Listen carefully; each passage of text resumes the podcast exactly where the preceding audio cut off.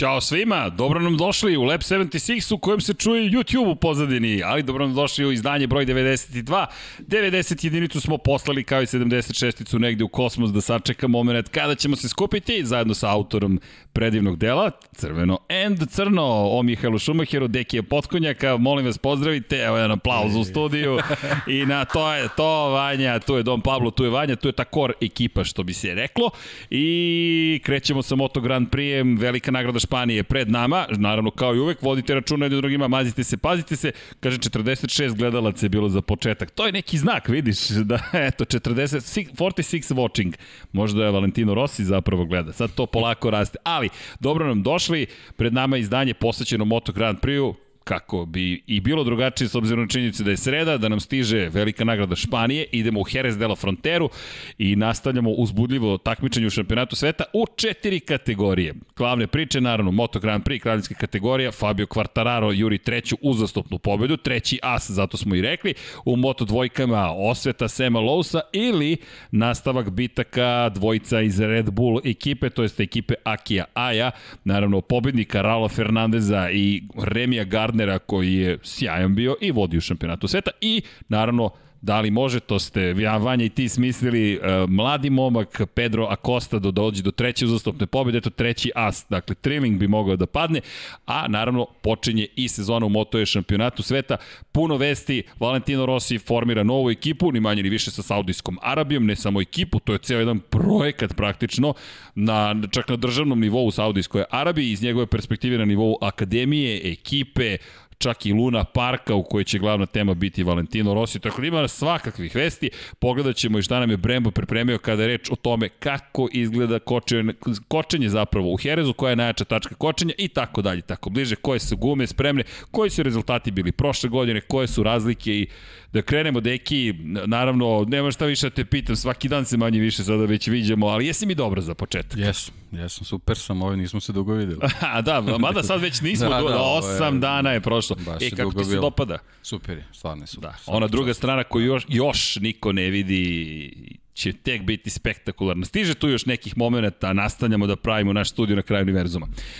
Da mi krenemo, četvrta runda je pred nama, Moto Grand Prix, ni manje ni više, šampiona sveta, stiže, ali ne u Evropu, stiže na mesto koje je kultno, moram napomenuti da Jerez obožavam, ranije je to bilo, to je prethodnih nekoliko godina, mesto gde stižemo na, na stari kontinent i onda kreće, kreće iz Andaluzije, regiona, prelepog regiona Španije, konji, vino i sad lepše polovine, jače polovine, zavisnosti kog ste pola i zavisnosti toga prosto šta volite kada stignete u Španiju, ali to nekako obeležava Andaluziju uz naravno motore. Jerez de la Frontera, preko 120.000 ljudi za dan trke. Nažalost, prošle godine nije bilo pogledalaca, neće biti ni ove. Dve trke prošle sezone, dve pobede Fabio Quartarara na privatnoj Yamahi, iako fabrički model za Petronas ekipu i u prvoj trci sezone pad Marka Markeza, polomljena ruka u drugoj trci sezone, operisan sveže, došao, pokušao kvalifikacijama i tu počinje ta jedna spirala koja je okončana na prethodnoj trci ove godine velikoj nagradi Portugali u Portimao.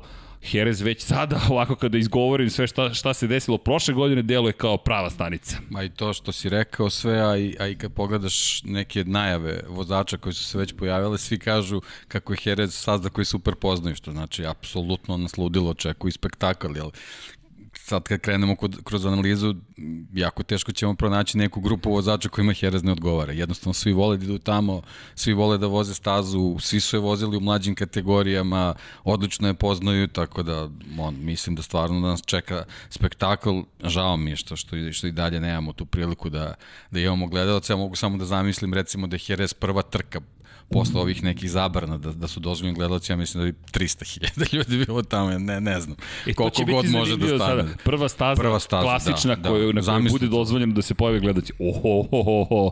Pa tu moramo da budemo, pazi. To ne, sme, mećemo, ne smeju da to bude da... muđelo. Ako bude ne, muđelo, muđelo potonuće čizme.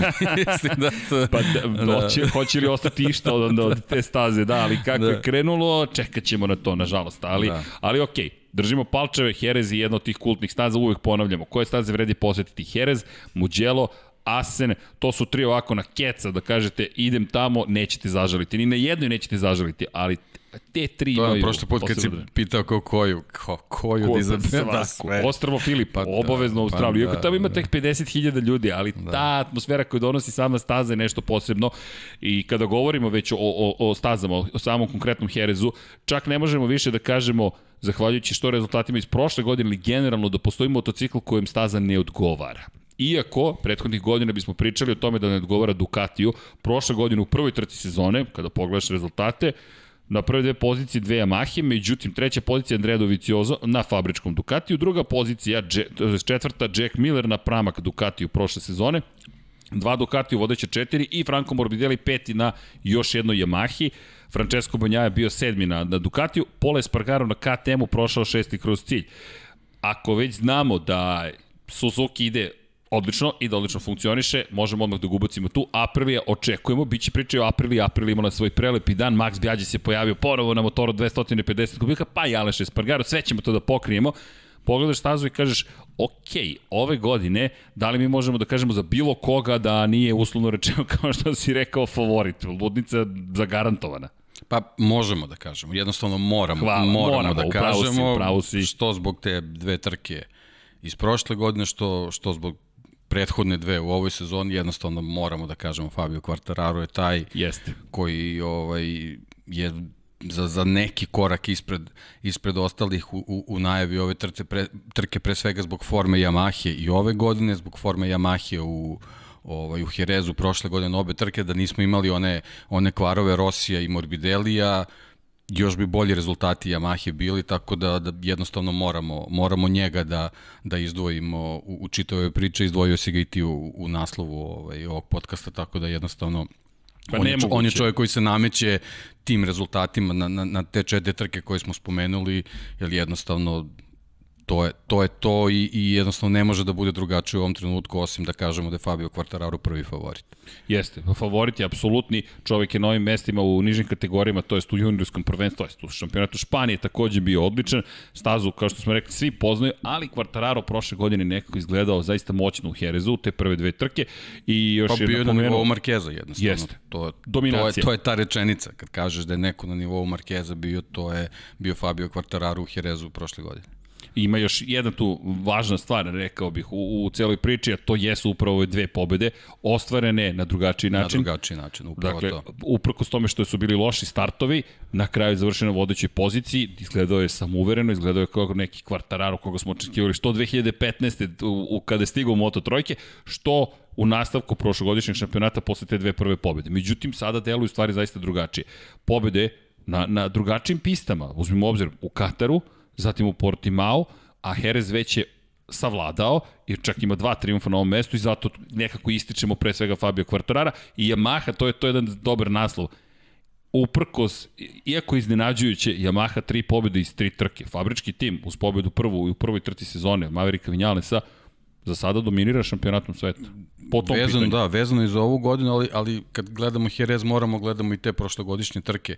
Od šest pozicija na podijumu prošle godine, pet su zauzeli vozači Yamahe. Fabio Quartararo, Maverick Vinales i Valentino Rossi, koji u drugoj trci stigao kao treći. I to mu je bio Tako da- 199. Da. plasman na pobedničko postolje Tako u je, Moto Grand Prix je. kategoriji. Izvini, poslednji za sada. je. U prvom, u pr, na prvom Jerezu Morbidelli je bio peti, tako da Yamaha, Yamaha zaista ovaj, ono, apsolutno pozitivno dočekuje ovaj trgački vikend. I još jedna bitna napomena u, u celoj priči. E, pratit ćemo, vrlo značajno će nam biti i vremena koje će ostvariti. Prošle godine, to smo pričali i kad smo analizirali, to se vrlo dobro sećam, prethodne trke, Quartararo koji je u prvoj trci vozio 41 minut 23,7 sekundi, dakle do pobede, inače ukupno 25 krugova nas očekuje, u drugoj trci 41 22 666, dakle samo za sekund brže, ali opet e, niko nije mogao da mu parira. Opet razlika konstantno preko 4 sekunde i u prvoj i u drugoj trci. Tako da je Fabio da, i, baš izvini, bio precizan. do petog mesta i otprilike nekih 7 sekundi. Jeste. E, to je ono što smo pričali Valentinu Rosu šta fali, Rosiju šta fali ove godine. Fali, fali taj malo manji zaostatak nego što ga je pokazao. Znači mora, mora da se ubaci u tu grupu ispod 10 sekundi u odnosu na, na vodeći. I kada pogledaš inače, ali Valentino Rossi mora da se napomene u celoj priči. Kada govorimo o, o istorijatu... Pa on je najuspešniji čovjek na toj stazi. pobjeda. Mislim, naravno. I u tom kontekstu moramo da ga spomenemo. Da, mora, mora Bez da obzira spom... i na godine i na sve. Bez obzira. Da. Na, I na no, najnovije vesti, kada uzmeš i pogledaš To ćemo malo kasnije, da. Tako da, je, da. kažeš čekaj, Valentino Rossi, 9 pobjeda, 6 u Moto Grand Prix, 3 u nižim kategorijama, to je nižim. 500 kubika je takođe bio motocikl sa kojim je savladao ovu stazu 2001. 99 u 250 kubika i, 100, i u 125 1997. Angel Nieto je jedini čovek koji ima više pobjeda, 11 triumfa na ovoj stazi, zato se staza između ostalog zove Angel Nieto, zvanični naziv. Nažalost, ostali smo bez Angela Nieta, legenda ovoga sporta koja imala 90 pobjeda u svojoj karijeri, ali 4 pobjede u 50 kubika i 7 pobjeda u 125 kubika. U višim kategorijama nismo videli tu vrstu dominacije, no poslednja pobjeda za Rossi ovde 2016. Voli stazu, tako da ovo može biti pozitivno za njega. Nemamo mnogo toga da dodamo iz perspektive same forme, to je sada na nivou čekanja, pa i njegov menadžer je rekao, to je njegov, ne mogu da kažem menadžer, jedan od najvažnijih ljudi, izvršni direktor zapravo Akademije VR46 za GP Van je rekao, još uvek ne znamo. Čekamo Rosijevu odluku da li će nastaviti da se trka ili ne ovo je jedna važna stanica iz te perspektive, s obzirom na činjenicu da je prošle godine imao dobar rezultat, da ima najviše pobjeda ovde od aktivnih vozača svakako i skoro najviše u istoriji. Tako da pogotovo što Angel Nieto nije u Herezu toliko, ja kažem Herez, ali zapravo zaboravljam koliko je Angel Nieto bio uspešan na drugim stazama. Harama, Monjuik, to su staze na kojima je vladao praktično, nije u Herezu. Herez je kasnije nastao, to jest postao dom velike nagrade Španije, ali opet velika nagrada Španije se nekako direktno dovodi u asocijaciju sa Angelom Nietom. Uvek, kroz istoriju da, tako da. će ostati. Da, pa što se tiče Valentina Rossi ove, ove sezone, možda, možda ga gleda, trebamo gledati te perspe, iz te perspektive, jednostavno on ove godine bukvalno ima priliku da svoju inspiraciju traži od staze do staze. A sad trenutno dolazi na stazu gde zaista se osjeća osjeća odlično i, i, i kad, kad ne postoje neki tehnički problemi, on je jednostavno na vrhunskom nivou, uključujući i, i prošlu sezonu.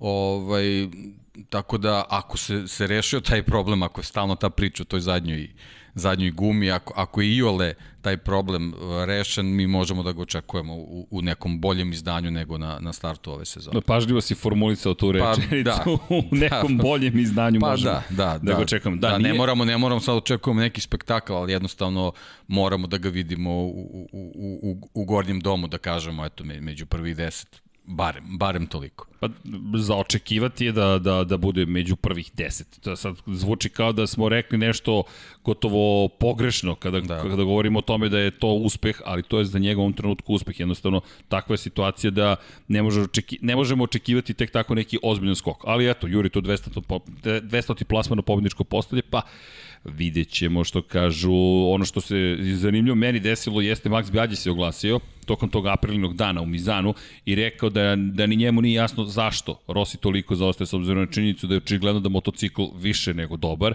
i nije ništa kritično čak govorio Rossi, samo je rekao da je to je zaista zbunjujuće. Čak, bez obzira na godine i dalje je zbunjujuće, ali pretpostavljam da, da, pa ipak čine onaj, onaj, svoje. onaj krug za, za Franceskom Banjajom u Katoru je pokazao da da očigledno ume da izvuče potencijal iz tog motocikla. Mislim, ne, nemamo razloga da zbog bilo čega sumnjamo da, da, da, da može da bude drugačije, nego jednostavno potrebna je ta konstantna forma tokom, tokom čitave trke koju jednostavno nismo videli od njega ove, ove sezone i moramo da, da, da, da očekujemo da, da je Jerez ta neka prelomna tačka gde, gde možemo da očekujemo bolje izdanje Valentina Rossi u smislu korišćenja potencijala motocikla koji, s kojim raspolaže. Da, inače kada pričamo o, o Rossiju, ne, ostavit ćemo za malo kasnije tu priču s obzirom činjenicu da će se odvučiti u potpunosti od trke, ali velika vest je zapravo to potpisivanje ugovora. VR46 tim je potpisao ugovor ne samo sa sponsorima Aramkom, već je potpisao ugovor sa Dornom, organizatorima i sa Međunarodnom motociklističkom federacijom o tome da će ostati u Moto Grand Prix klasi do kraja 2026. godine. To je veliki i ozbiljan u ugovor. pogledu na fabričke ekipe. Tako je. Tako da je namera VR46 ekipe veoma ozbiljna. Ne zna se još uvek koji će motocikl koristiti ekipa. Priča se i o Apriliji, priča se i o Ducatiju i o Suzukiju, s obzirom na činjenicu da se de, da deluje da će Fausto Gresini tim zapravo preći u naruči Ducatija, tako sada izgleda, da Aprilija osniva svoj fabrički tim, postoji mogućnost čak i Aprilija da bude motocikl koji će izabrati zapravo za VR46 tim, mada se, kažem, spominje i Ducati. Pričat ćemo o tome, da, da, da, Da, da, da ne da ne pobegnemo. idemo dalje, ali jednostavno uh, samim, samim ovaj, činom uh, ulaska Luke Marinija u Moto Grand Prix, tako što je pak, praktično njegov deo garaže VR46 ekipa bilo je jasno da, da, da sve vodi ka tom koraku, samo smo čekali neko ozvaničenje da vidimo u stvari u kojoj formi će sve to biti i, je, i eto, u nekoj formi je koju smo koju smo i priželjkivali praktično. Znali smo, i to smo više puta spominjali, Valentino Rossi jednostavno čovjek koji živi za Moto Grand Prix i on, i on je neko ko je odavno gledao kako da što duže i na koji način ostane u, u, u karavanu Moto Grand Prix-a evo, to, to su neke potvrde, ali pričat ćemo o tome malo kasnije. E, I da se vratimo na, na, na stazu, to je da se vratimo, pomožemo i da ostanemo u Yamahi. E, Maverick Vinales je čovek od koga takođe očekujemo dosta zašto. Prošle godine na početku sezone dva druga mesta je ovde zabeležio, dakle nije pobedio, ali opet uprko s problemima i pogotovo u prvoj trci sa gumama je uspeo da odbrani te pozicije, osvoji velikih 20 bodova. S obzirom na činjenicu da imao katastrofalnu prethodnu trku, deluje da je stara forma Mavericka Vinales i dalje prisutna u kontekstu toga da jedna trka sjajna, druga trka loša i opet čuvene rečenice ne znamo o čemu se radi, ne možemo ovako da nastavimo, ne, ne možemo ovako ali mi deluje da bi ovo moglo da bude dobar motiv. Ipak je ovo njegov dom, ipak je Španija u pitanju i imao je dve dobre trke. Uh, Maverick Vinales je iz ove perspektive kad gledamo bez sumnje u prošlu sezonu ušao sa ogromnim ambicijama i onda se desile desile su se ta dva Hereza da izgubio od, od vozača uh, iz, iz satelitske ekipe, iz privatne ekipe, uh, uz te probleme koji si ti spomenuo, bilo i onih njegovih grešaka vezanog za, za tačke kočenja, posebno u, u poslednjoj krivini, to su neke stvari koje jednostavno mora, mora da prebrodi pre svega da bi bio psihički stabilniji. Videli smo na startu sezone da može to da, da se desi, sad je samo ono što si rekao, jednostavno mora, mora da, da, da tu klackalicu što više umiri, da ne budu, da ne budu veliki, ovaj, veliki prelazi od trke do trke, poželjno i dozvoljeno je da imaš s vremena na vreme neke, neke male kikseve koji će jednostavno da, da, da ti učvrste i da ti, da ti vrate ovaj koncentraciju, ali jednostavno suviše, suviše oscilira na način kako je to i ranije radio i to jednostavno ne sme da mu se ponavlja. Uh, jako je važno za njega da na u Herezu bude na podijumu to je to je nešto iz moje perspektive znači ako ako ne stigne do pobede recimo Quartararo dođe to opet neće biti svak smak sveta ali jednostavno jako je bitno da bude na podijumu da bi da bi da bi jednostavno njegovo samopouzdanje ostalo na nivou na kojem je potrebno da ga imamo na na najboljem mogućem nivou u nastavku sezone Vinales je u fantastičnoj poziciji i dalje, bez obzira na katastrofalnu trku. Ima motor koji je očigledno pobednički motocikl, ima ono što je želeo, rekao je da je sada harmonija u ekipi, dobio je stranu garaže koja pripada Valentinu Rosiju, sve je učinjeno što je želeo, Tako ima je. ugovor prilično siguran u Tako Yamahi, ima i podršku ce kompletne ekipe, ovo je sada sve na njemu. Dobio je Estebana Garciju, ja ne znam šta Yamaha nije učinila. Apsolutno, sećaš se prošle godine dobro. sa dva druga mesta, njegov izjave posle trke je bila kao da je smak sveta. Znači, samo poenta, znaš, ono, polu puna, polu prazna čaša, mislim, jednostavno mora, mora malo samo taj svoj neki mindset da, da blago promeni i mislim da možemo da ga imamo na nekom dobrom nivou. Ja ga iskreno očekujem na dobrom nivou. Ja isto, takođe. Mislim takođe, da bez obzira na, na celu situaciju da, da. da Vinales može ovde da bude prilično dobar, ali imaće ozbiljno društvo i kao što smo rekli Ducati, ako pogledamo, Maverick Vinales nije taj koji zauzima poziciju broj 2 u šampionatu sveta. Poziciji broj 2 je Francesco Bonjaja.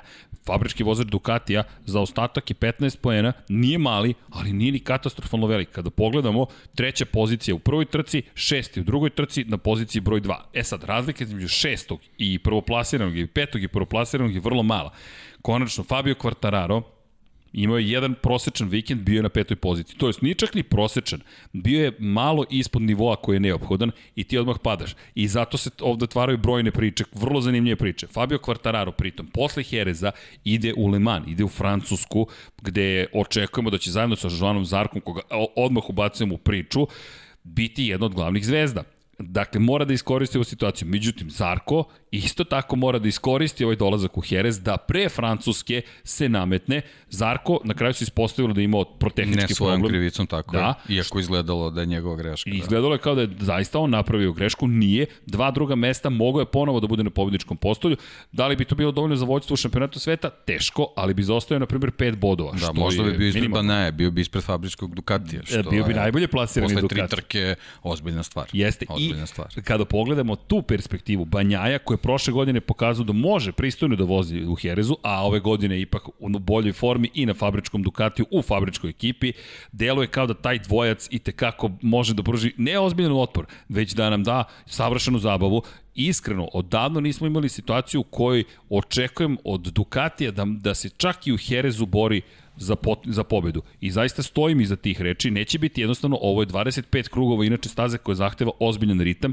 Deluje da je tu Fabio Quartararo izvrstan, da je, da je po pitanju ritma, to smo videli u treningu broj 4 u Portimao, našao ono što mu je bilo neophodno, ono što je imao u 2019. godini. Banjaja, uz bolji start, Banjaja imao onaj problem o kojem smo pričali, 11. startna pozicija, uz bolje kvalifikacije, može mnogo opasniji da bude. E sad, Ducati ovde, kada je reč o triumfima, ne možemo reći baš da se proslavio. Ducati, da, bolje je, ali nije taj tim koji je ovde zabeležio toliko uspeha, pa da kažemo, ok, ovo je to. Poslednji čovjek koji je pobedio ovde. Verujem da se sećaju, ono, oni malo stariji, čuvena sezona, 2006 šta se desilo na početku trke, takođe čuveni incident u kojem Toni Elias izbacuje Valentina Rossi u prvoj krivini, Rossi se diže, sedi na motocikl i 14. završava, dva poena osvaja, svaki poen te godine je bio važan, međutim, Loris Capirosi na prvoj trci sezone na Ducatiju beleži triumf 2006. godine. 15 godina je prošlo od poslednjeg triumfa Ducatija. Tako da nije da ih ga svrstavamo u red favorita. Inače, od tog momenta samo su Yamaha i Honda pobeđivali.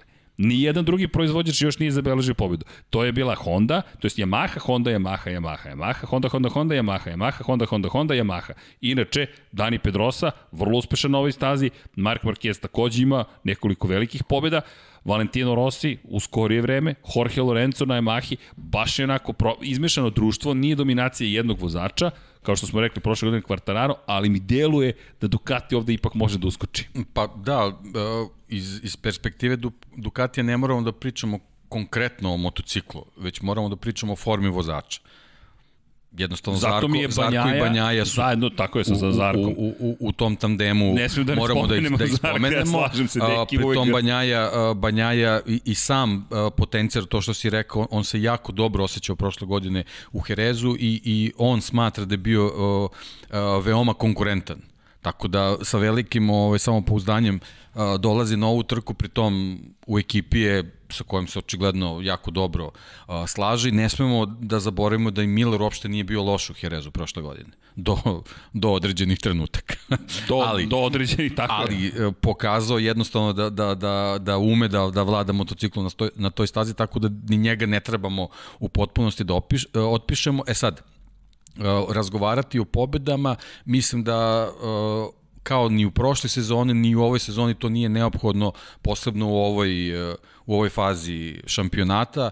Jednostavno, bitno je biti u borbi za podijum do četvrtog, petog mesta i to za njih može, može da, da bude uspeh. Što se Zarka tiče, naravno, ono što, što se već i, i napomenuo, što više poena pred odlazak u Le Mans je jako bitno. Bitno je i, i, i zbog prošle trke da se ova završi, ne, ne, ne po svaku cenu, ali jednostavno bitno je da, da, da se bude u gornjem domu i, i eto, da, da se vratimo na Banjaju od svih pomenutih e, Dukatijevih vozača, mislim da on, da on ovaj, e, zaslužuje da se, da se izdvoji u ovom trenutku, pre svega zbog, zbog pozicije u šampionatu. Trebamo da pomenemo i ostale vozače, Hoćemo, Suzuki je... Ne, ne, mislio sam i na Ducati. Aha, samo ćemo proći. Mislim, Jack Bast, Miller, Bastija, Jack Miller spomenuo, znači Bastianini i Marini imamo ih ovaj u, u, u Avinti gde su pokazali da ono, apsolutno vladaju tim motociklom bez obzira što je stara generacija, mogu, mogu da budu konkurentni, Bastianini odgovara takođe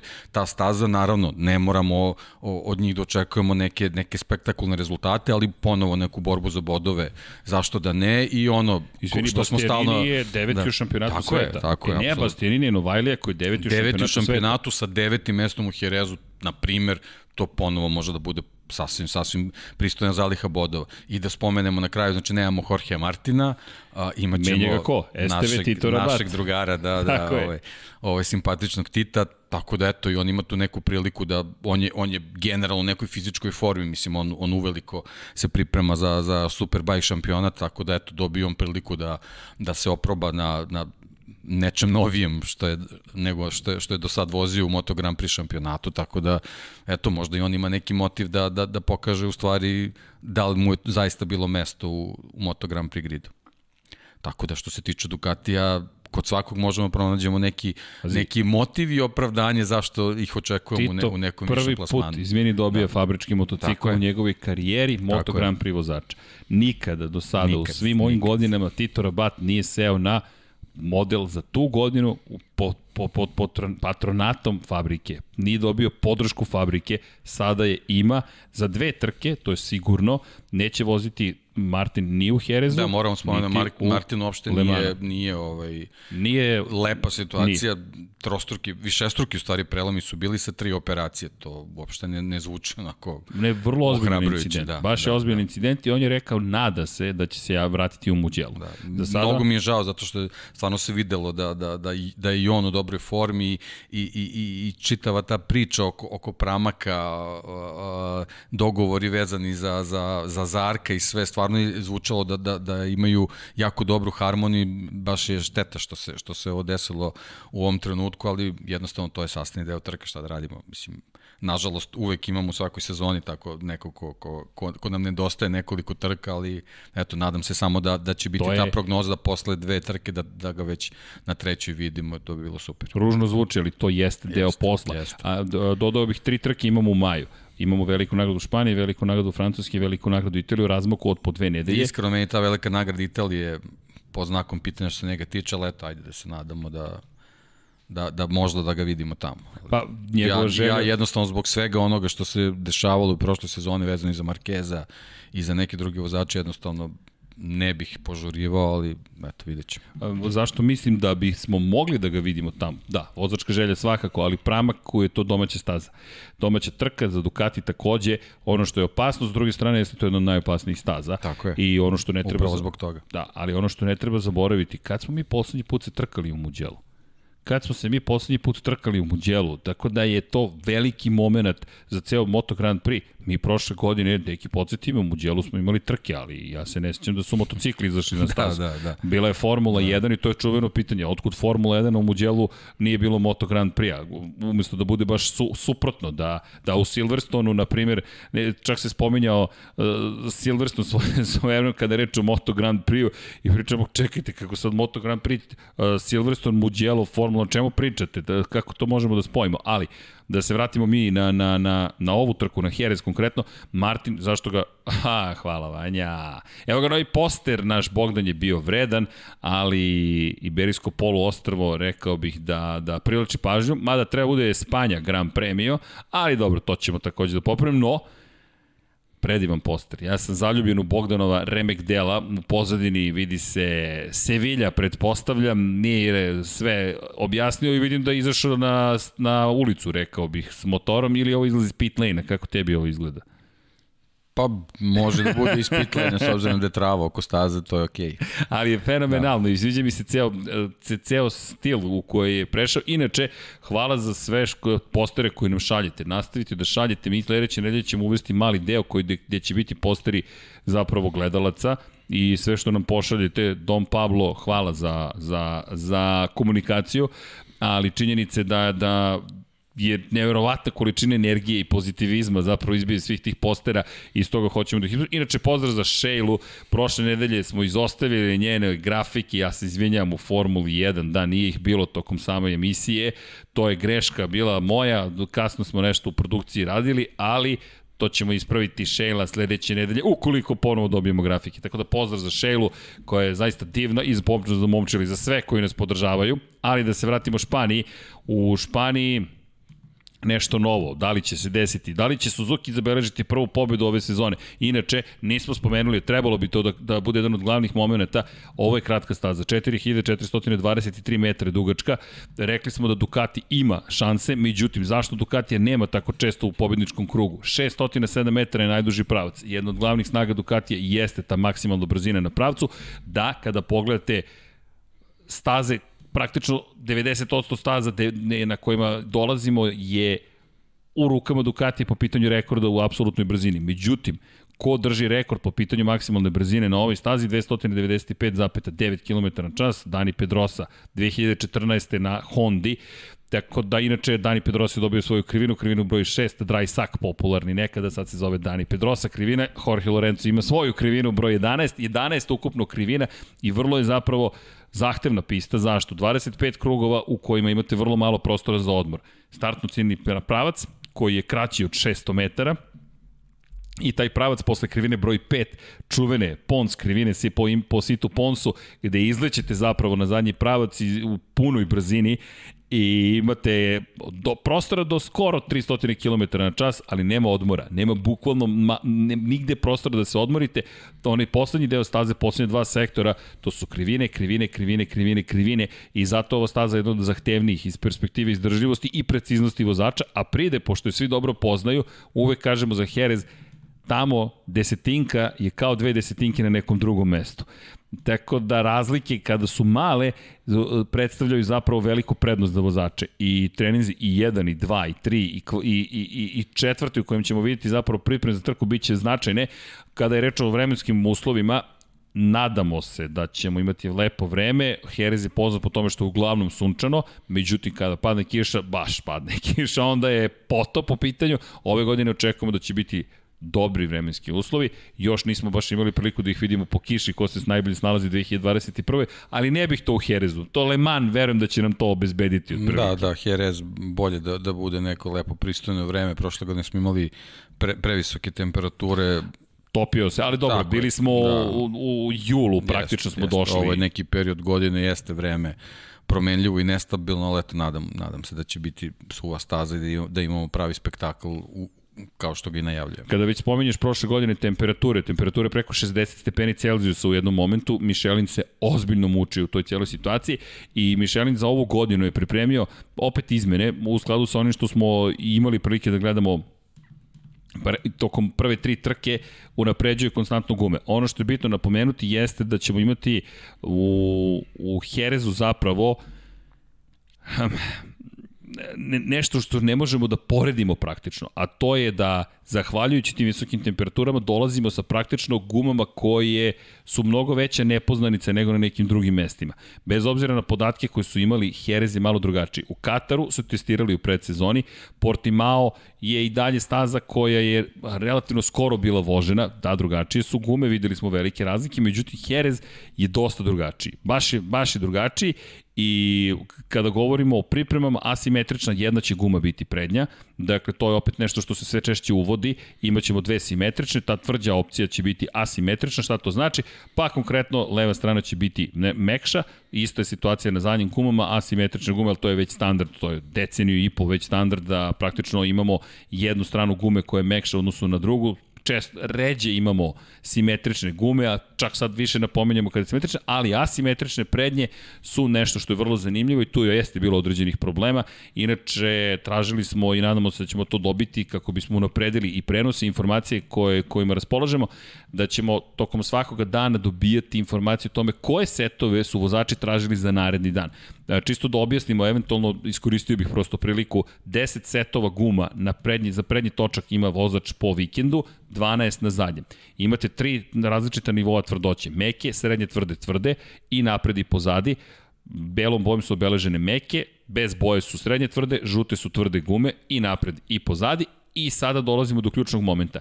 Imate dakle po tri različite tvrdoće. Za prednji set, to je za prednje gume, možete da zaberete maksimalno pet setova određene tvrdoće tokom vikenda.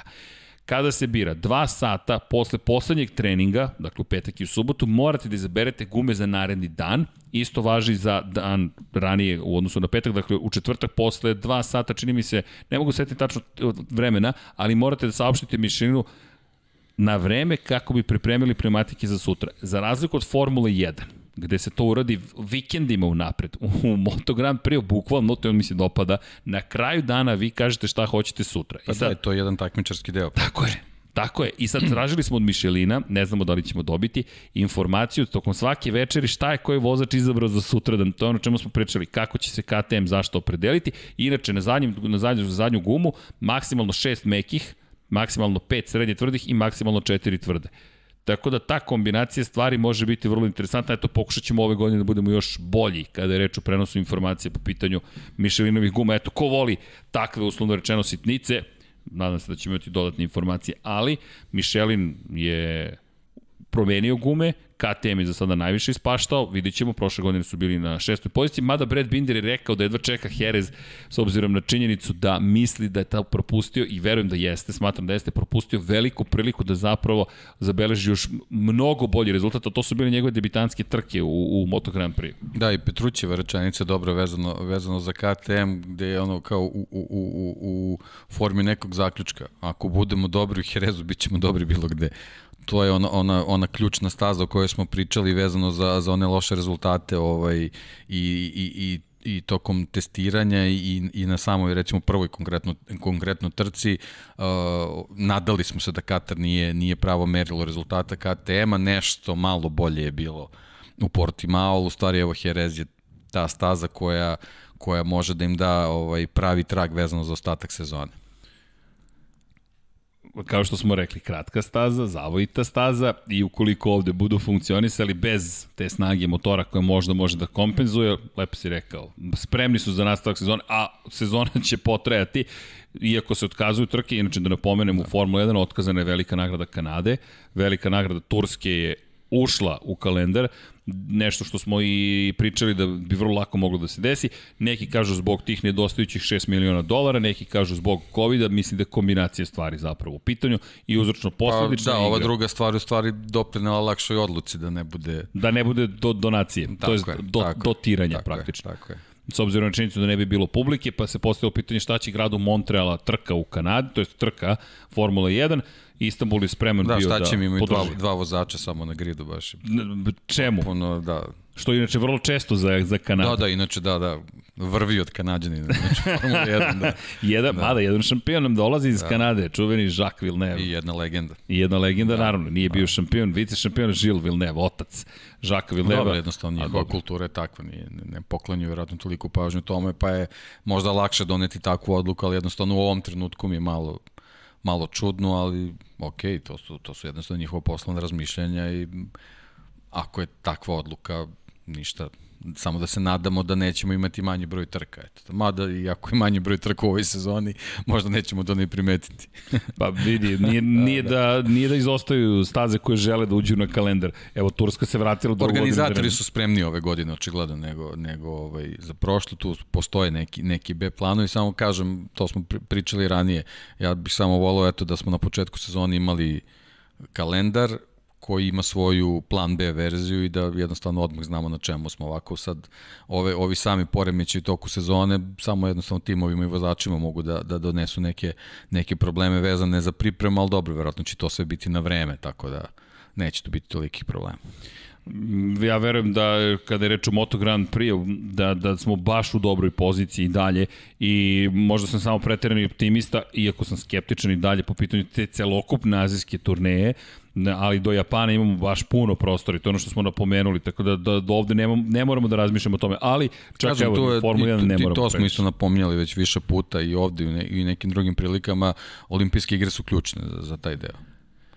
Ako to prođe kako Hoće li su, proći, Deki? kako su. Pa dobro, kažem, ako prođu, onda mislim da, da i taj taj naš nastavak sezone neće toliko dolaziti u pitanje. Ako tu bude poteškoća, posebno vezano za, za COVID, mislim da, da, da se ni nama ne smeši neki dobar nastavak šampionata vezano za tu azijsku turneju, kako si nazvao. Pa da, me, meni tu zaista prava azijska, Pa azijsko-okeanijska Pa da, turneja. da, da. Odeš se na put i ide se od države do države i polako li sigurno postaje to sastavni. Malezija meni ozbiljno nedostaje. Tajland je izgradio reputaciju mesta na kojem je publika fenomenalna. Australija sama po sebi je takva kako jeste. I dodaš Japan koji takođe vrlo specifičan, a opet iz Japana ti dolazi takođe i četiri velika proizvođača sve prilično jasno i onda to veliko finale na kraju Sad imaju mnogo vozača iz Japana, mislim, jednostavno treba biti tamo. Ima još inače vozača iz Japana, stižu nam i u Moto E kategoriju, ali to ćemo za kraj ostaviti, nego da se mi bacimo na jednu temu koja se nameće i u uvodnim kadrovima smo mogli da vidimo gospodina čija zastava se nalazi iza, Mark Marquez, vraća se, što kažu naše kolege, na mesto zločina. Ovo je mesto na kojem je izletao sa staze, ovo je mesto na kojem je demonstrirao silu do drugog izletanja sa staze, mesto na kojem je polomio ruku, mesto na kojem je pokušao neuspešno da se vrati i poslednji put vozio svoj Moto Grand Prix motocikl do Portugalije ove godine, tih čuvenih 200 sada koliko, 65 dana bukvalno, od kada je poslednji put seo na motor, kako će pristupiti trci. Da li misliš da će biti drugačiji pristup nego što smo već do sada navikli, a to je, videli smo u Portimao, prilično agresivan pristup, bez obzira što na kraju jeste bio sedmi, ali nije ni jednog momenta posustao. Naprotiv, od prvog momenta vrlo agresivan i kad uzmemo obzir njegovu izjavu da je jedini trening koji će imati zapravo vožnje Moto Grand Prix-a, kako tebi to sada izgleda na mestu na kojem se sve to izdešavalo? Pa ve, vezano za njegov nastup u Portimao drugačije nisam ni očekivao. On, on je jednostavno vozio u svom stilu dok je fizički mogao to da izdrži. To je ono, isto smo ranije pričali, šta, šta samo može da bude njegova prepreka. Fizička priprema ili eventualno neki problem vezan za, konkretno za, za samu povredu i, i, i njeno isceljenje. Ovaj, tako da ja od njega apsolutno ne očekujem bilo kakav drugačiji pristup osim toga. Ovde mislim da može da bude upravo taj problem jer uh, sama, sama informacija da, da je posle Portimao praktično mu je određeno mirovanje je dokaz da to baš i nije uh, ne funkcioniše sve kako treba, pre svega vezano, vezano za, za njegovu fizičku pripremu, tako da, da sam nastup u Jerezu koji može da bude mnogo, mnogo zahtevni, zahtevniji od, od, od Portimao, iako to možda tako uh, ne izgleda, ovaj, može da bude doveden u pitanje upravo zbog toga što u, u trenutku gde smo očekivali da, da vidimo njegov povratak u Portimao i bukvalno od sledećeg dana a, njegov povratak na, na stare staze u smislu i priprema i svega, da je jednostavno sve palo u vodu, tako da ništa sad, sad bukvalno kao i pre Portimara, Portimao sad možemo samo da očekujemo da ga vidimo prvog dana u Jerezu, da vidimo koliko je fizički spreman, ali samim tim kad neko mora da ima pauzu, jednostavno ne, ne može da se očekuje da, da, da tu postoji neka 100% priprema, ali što se tiče motivacije i stila vožnje, apsolutno nema dileme da je uvek 100%. To, to, je, to je potpuno jasno. Samo eto, te, te neke, da, da ih i dalje nazovemo medicinskim stvarima, su stvari koje njega ograničavaju u, u, u tom nekom njegovom maksimalnom nastupu. Da, meni je zanimljivo. Izvini, taj... samo u smislu maksimalnog nastupa, da li može da izdrži 5, 6, 7 krugova u ritmu ili može čitavu trku. Jednostavno u Portimao smo videli da, da nije spreman da u svom tempu izdrži čitavu trku još uvek. A rekli smo već, ovo je staza koja je vrlo zahtevna. Inače, staza na kojoj se nekad vozilo 30 krugova, pa je pre par godina skraćena na 25, moram ti preći da mi je žao, s obzirom na činjenicu da tih dodatnih 5 bio ozbiljan test. Jerez je baš bio jedan od najćih testova koje ste imali tokom sezone, bez obzira na prirodu staze, i to je baš zahvaljujući prirodi staze i činjenici je dosta kratka, 30 krugova ima da se vozi i vozi i vozi i vozi, ali okej, okay, malo se to promenilo pre par godina, kažu da bi bilo još uzbudljivije za televiziju. Evo što se mene tiče, mogli su slobodno dostaviti tih dodatnih pet krugova, baš je bilo neverovatnih stvari, a, a, ali bit će još, ja verujem, neverovatnih stvari tokom mog vikenda. Zašto? Aprilia je na poziciji broj 6 u šampionatu sveta i volio bih da malo posvetimo pažnje Apriliji Dobro, možda jedno ako, stvari. ako hoćeš samo pre Aprilije da završimo sa Hondom, pošto ako smo već spomenuli Markeza pa da, da ih ne zaboravimo, slučajno ljuti će se možda zaboraviti, neka. ali A, dobro, zar okay. ne vidiš da, da, okay, da okay. imali potrebe. Okay, okay. imali potrebe, ali šalu okay. na stranu. Okay. Ne, namerno sam gurno Apriliju. Aprilija je ipak ispred Honda u šampionatu konstruktora, okay, ali Mark tako. Marquez je velika dobro, zvezda, dobro, dobro. ne zameri, ali... Ne, ne, ne, nego čisto da, da Malo da promešamo karte, nećemo ih zaboraviti. ne zaboravim. ne, je to podsjetnik za da, da, da, da.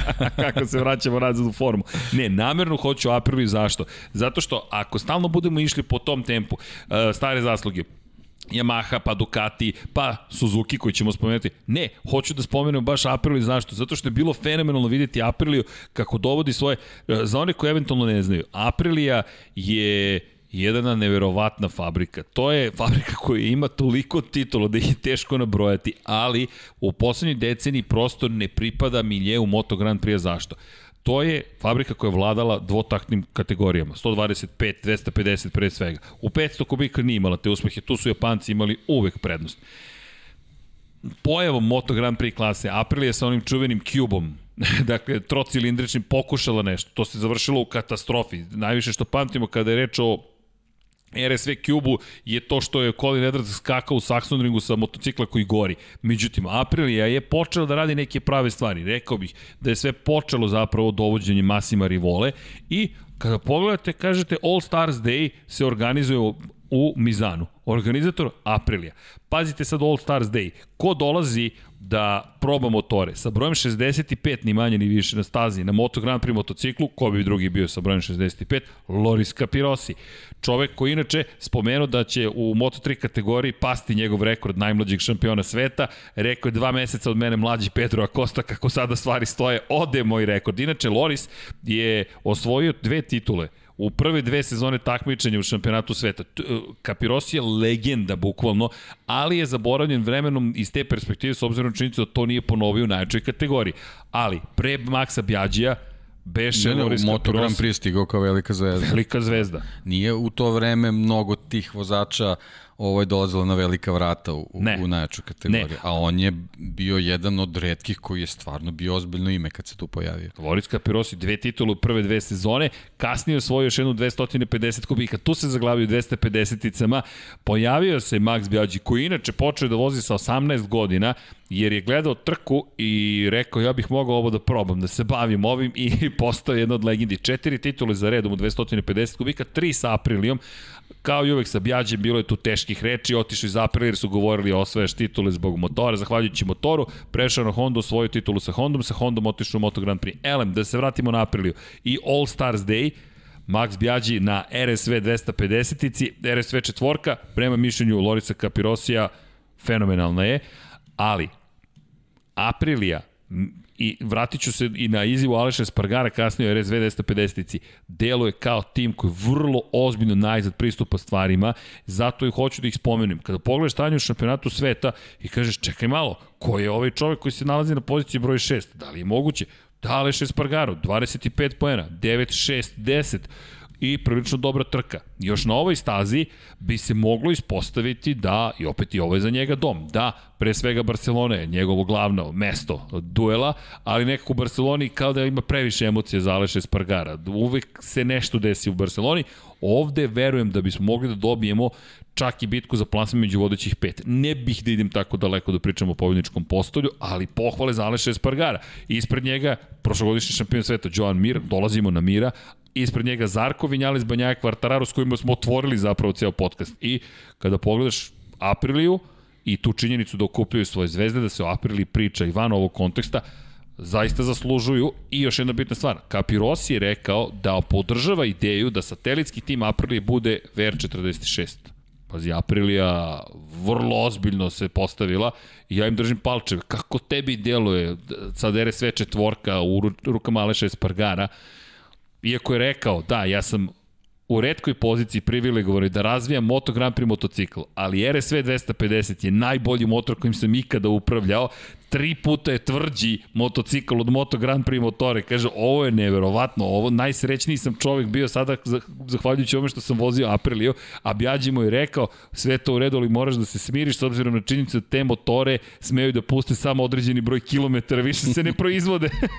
ali ne znam da zamislim šta su uradili. Stara škola. Da. Stara škola. Inače, Paolo Scalera, ne, izvinite, Andrea Rossi je napisao sjajan tekst i rekao je, jedan ceo sat je kasnio na intervju Aleša Espargaro, ali nije bio nekulturan, prosto nisu mogli da ga skinu sa RSV 250-ice i da ga odvedu na obaveze koje su medijske obaveze, ali to je ono što je meni fenomenalno, prosto čoveku se dopalo i oni su rekli, ok, vozi, vozi, sad zamisli u takvom raspoloženju ti stižeš u Jerez, Aprilia te poštuje, ti si na All Stars Dayu, šesti si u šampionatu, voziš sa veličinama kako su Kapirosi i Bjađi, Ja mislim da možemo lepe stvari tu dočekam i naravno Andreju Dovicioza sledeće godine. Pa ono što što posebno ohrabruje Apriliju to su rezultati sa, sa prethodnih trka, pre svega uh, vezano za vreme u odnosu na na pobednike, podijum i tako dalje i tako dalje. E sad ono što si ti spomenuo, te desetinke se malo drugačije gleda u Herezu, tako da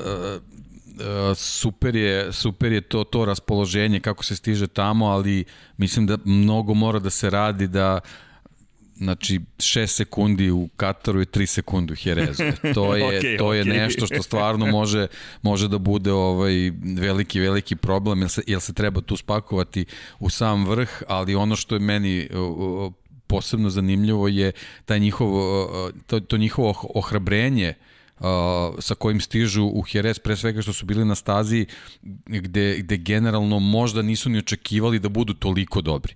E sad, u Jerez je naravno specifičan iz, iz, iz mnogo, mnogo stvari, a meni je posebno zanimljivo što može da bude specifičan u, spi, u smislu testa Andreja Dovicioza i da vidimo da li je tu uh, napravljen neki pomak, jer uh, sve što smo ranije spominjali kao napredak Aprilije u, u, u razvoju samog motocikla vezan je za napredak KTM-a i gledali smo koliko je to slično. Ono što smo već spomenuli, sam dolazak Danija Pedrosa je mnogo promenio napredak KTM-a, verovatno ga prilično ubrzao, A, I naravno, ne može jedan test Andreja Dovicioza, sad to ne znam koliko da promeni, ali s obzirom da je vezan specifično za ovu stazu, a Aprilije stižu u dobroj formi sa prethodnih trka, možda taj njegov test može da donese te, tih nekih možda pola desetinke ili desetinku po, po krugu koji bi ih u nekem krajnjem zbiru ovaj, privuklo u sami vrh, kao, kao što ti kažeš, možda ne u borbi, u borbi za, za podijum, ali ako, ako budu na nivou rezulta, rezultate iz, iz Katara, to, to možda bude fenomenalna stvarno. Tako da Ja sam ubiđen, pazi, uspeh. Kako bi ti rekao, mislim, pozitivno su razmišljanje odnosu na april, ali mnogo tu faktora ima, ali eto, možda mogu da se slože kockice. Pazi, ovo je postala nemoguća misija. Nema sad neke ozbiljnije analitike kada pričamo o Moto Grand Prix koja može da nam pomogne da procenimo ko će tu biti uspešan. Više se sada bavim, moram ti priznati emocijama. Dobro, ja volim da se bavim emocijama, ali kada pogledaš šta je Aprilia učinila, kako pokušava, ne pokušava, kako uspeva sebe da postavi i pozicionira kao tim koji Vodi računa sada o svojoj istoriji, vodi računa o svom zaveštanju, vodi računa i o svojoj budućnosti. Rekli su, Rivola je rekao, mi ćemo učiniti sve što je u našoj moći da dovedemo Andreju Dovicioza u Apriliju. To je dovoljno. To, ta, ta je, to je pismo o namerama. Mi smo izjavo o namerama dali javno više puta. Doviciozo je taj koji, kome se očigledno dopao motocikl. Čekamo taj novi test. Kao što si rekao, ko zna šta je ostavio od podataka za Aleša Espargara i ostatak kompanije. I iz te perspektive zaista nešto ne, ne, ne znam zašto. Verujem da najzad treba se Znaš kako, on, on, je čovek, on je čovek koji ima mnogo iskustva u vožnji snažnih motocikala koji ne, ne skreću baš preterano dobro, a njega si na, na, na, na, na početku podcasta u uvodnoj priči ovaj, o Herezu spominjao između oslo kao čoveka koji se našao ovaj, u samom vrhu kad je reč o, o prošlogodišnjim trkama. Znači on je, on je završio jedan od Hereza na, na trećem mestu na stazi gde zaista nismo očekivali da Ducati vidimo u samom vrhu. E sad, to neko njegovo iskustvo od prošle sezone možda stvarno može Aprili mnogo toga dobro da donese ove godine. Tako da vidjet ćemo. Inače treba, trebamo da podsjetimo što, što se tiče Hereza prošle godine nisu baš e, blistali. Bradley Smith je bio, čini mi se, poslednji na, na prvom Herezu, pretposlednji na, na drugom. Pojen je osvojio, tako Aleš je, Aleš, nije video Aleš cilj. je pao, jel tako? Da, tako nije video cilj u, u, u prvoj trci. Za razliku od Ovije koji eto na, na, na, na prvoj trci je bio treći, na, na drugoj je bio šesti, tako da ta njegova iskustva u podešavanju, naravno, različiti, su, je baš imao- različiti su motocikli, ali eto, mislim, E, Aleš je imao lošu, prosto je imao loše trke. Jednostavno, da. Da. pogledaš Aleš, nije se nije u jednom momentu snašao. Bio je to težak početak sezone Jeste. generalno za april i ona, ona polako polako je to, to, to krenulo ovaj, kako treba, ali ipak moramo, ne, ne smemo da zaboravimo, znači to je, to je neki početak covid i, i čitave te priče, tako da... April je bilo u dosta teškom Jeste. položaju. Da ne pričamo u završetak sezone, mislim, sve što se dešavalo sa Faustom i tako dalje. Znači, jednostavno, mnogo, mnogo je tu, tih nekih turbulencija bilo, oni su uspeli da, da se nekako stabilizuju i kao što i oni kažu, oni se jednostavno ne, ne, ne plaše se izazova i to je, to je jako bitno. Ogroman novac zaista ulažu u Sad- razvoj tog motocikla, novac, da. motocikla, ali jednostavno i grizu i... i Ali pogledaj, a, izvini, Dovicioza žele, All Stars Day, počeće možda saradnju sa Valentinom Rossijem. Pa, ko, s, s kim je osvojio prvu titulu u svojoj karijeri Valentino Rossi? S Aprilijom. Max Biagis je rastao od Aprilije pa se vratio u Apriliji. Možda ta italijanska veza jedina preostala, jer bio je u Ducatiju, nije se to baš završilo najlepše. Možda i Ducati, možda grešimo, ali zamisli pa, samo Aprilija trenutno, trenutno VR46. sarađuje sa Ducati. Da, trenutno sarađuju sa Ducati, tako, tako da, je. Da, Nema tu problema, to, mo, mogu je. emocije da postoje, ali postoji tu i nešto drugo. Tako da. Postoji, postoji i nešto drugo. Ali Aprilija, ukoliko uspe u tome, sad zamisli samo VR46 Aprilija. To je prilično velika stvar za, za ekipu. Ogromna stvar. I još se vezuju za Aramco, još se vezuju za taj tematski park koji se priprema Valentina Rosija, po uzoru na Ferrarijev u Abu Dhabiju. Mnogo je to zanimljiva konekcija. I, i iz te perspektive i emocije, kažem ti, ta, ta cela priča Aleša Espargara koji kaže na 30.000 obrtaja kada čujete dvotaktaše i menjate brzine, nema lepšeg zvuka od toga. Inače, ta RSV 250-ica je motor od 250 kubika, ali dvotaktni, dvocilindrični V motor pod uglom od 90 stepeni, pa to neki ja, ja ne znam šta možeš da zna. To je toliko maštovito zapravo iz današnje perspektive, da je jednocilindrični 250 se četvorotaktni, imamo drugačiji zvuk, lep zvuk, ali ti imaš V2 od 250 kubika dvotaktni, to je, to, za one koji ne znaju kako to zvuči, ne znam, nađite neko istorijsko takmičenje, teško je prosto to preneti danas. Zaista je teško preneti, bez obzira ni na lepotu i na lep zvuk Triumfa i 765 kubika, prosto te cvaje popularne imaju neku priču i taj oblak prosto mirisa koji vas dočeka kada dolazite na stazu. Bilo karting nekada, bilo, bilo dvotaktaše, poseban. Zato ti kažem, nekako mi je Aprilija izmamila osmeh, možda sam samo previše nežan. Ne, ne, okej, okay, sve, ono, super je pozitivna priča, sad u ovom trenutku samo podijum jedan nedostaje i, i to će tek biti onako boost za njih neviđen. Držim ali, ali očigledno da, da plan, plan postoji. Plan postoji, vrlo ozbiljan ide se plan. ka tome. Tako Vrlo, da, vrlo ozbiljan plan. Da. Uh, hoćemo da se prebacimo pre Honda na Suzuki. Suzuki Može, koji je bio može, na pobedničkom može. postolju. John Da. Mir je stigao do pobedničkog Još postolja. jedan tim sa dva motocikla. Da. Samo dva motocikla. Da. A i tu se postavlja pitanje, iako se dovodi u vezu direktnu. April je nažalost Osim- u tom trenutku ima jedan. Da, da, Lorenzo Da, Sanadori da, da, baš da. se ne snalazi. Možda smo mnogo grubi prema njemu, ali jednostavno. Mislim da smo bili, da, Da, ali da, hajde da, da. mu damo, Da, hajde da ajde, sačekamo. ajde, ajde, ja bih slažem sačekao se da ja. se oporavi, Slažem se ja. Znaš, da, da vidimo ipak i kada prođe kroz domovinu, kada prođe jedan period prilagođavanja, ipak je čovek debitovao sa povredom. To je i Jeste, hrabro. jeste, Tako da, hajde i da mi budemo u našem nekom duhu, da uvek pružamo podršku svima, Naravno, pa ajmo apsolutno. outsideru da pružimo podršku. Rekao smo, ne znam zašto smo i ti i ja baš bili oštri prema njemu. Možda je to želja da Pa Aprilia mnogo uspe. je veliki Ne znam. zastatak bio stvarno. Jest. Mislim, čak ne, ne, ne gledamo ni ostale na, na gridu, nego kad pogledaš prema tri, timskom kolegi, znaš, koliko god da, da, da postoje neka ograničenja, onda, onda, znaš, ako je tako vozi, onda stvarno onda treba pogledati prema timu zašto uopšte su to dozvolili da se na taj način nisu znali pre početka Italijan. sezone kad su ga birali. Tako Italijan. Da, pa znam, ali jednostavno... Ali ima tu neke te konekcije, kažu, "Ho- ok, hajde da te, meni su čudne te nagrade, nagradiš ga da. najskupljom zabavom na svetu. Jeste, i onda, znaš, okej. malo, malo to ugrožava i njegovu motivaciju, znaš, tako da... Pa, da, može, može negativno da utiče. Zaista da, može negativno da, utiče. On je definitivno dobar vozač, mislim, apsolutno čim si se našao u toj grupi nije. Ne, ne možeš ti Teško da je, teško da, teško je da, da, da neko i pomisli da, da imamo ne, u tom smislu neko loše mišljenje o njemu, nego jednostavno, eto, to je, suviše su velike razlike. Ili su ostali suviše dobri. to je, možda može i i to da bude. kombinacija. Može i ali to možda da i bude, da. kombinacija. Nije, nije isključuje jedno, ne isključuje drugo. tako je, tako je. Joan Mir, svetski šampion, prvo pobedničko postolje, njegova sezona, opet kao prethodna, konstantnost je Podijum, podijum. ime igre. To Podijum, to. podijum, podijum. To. To. je, to, je, to je njegov cilj za svaku trku. On je ispunio očekivanje i ti ja smo pričali pre početka sezone da mi očekujemo zapravo da se on bori za odbranu titule tako što će voziti kao i prošle godine. Konstantno, konstantno, konstantno i to. I povremeno pobeda, ali jurenje pobedničkih postolja i kakva god da je situacija, da, da mu to zapravo bude ono što mora da Da, postigne. da, za razliku timskog kolege, pobjeda ili ništa. Da, To je, to je ta filozofija, ali dobro, znaš, u, ne, u neku ruku i to može da se, da se podrži, jednostavno on ima, on ima svoju filozofiju, svoju motivaciju.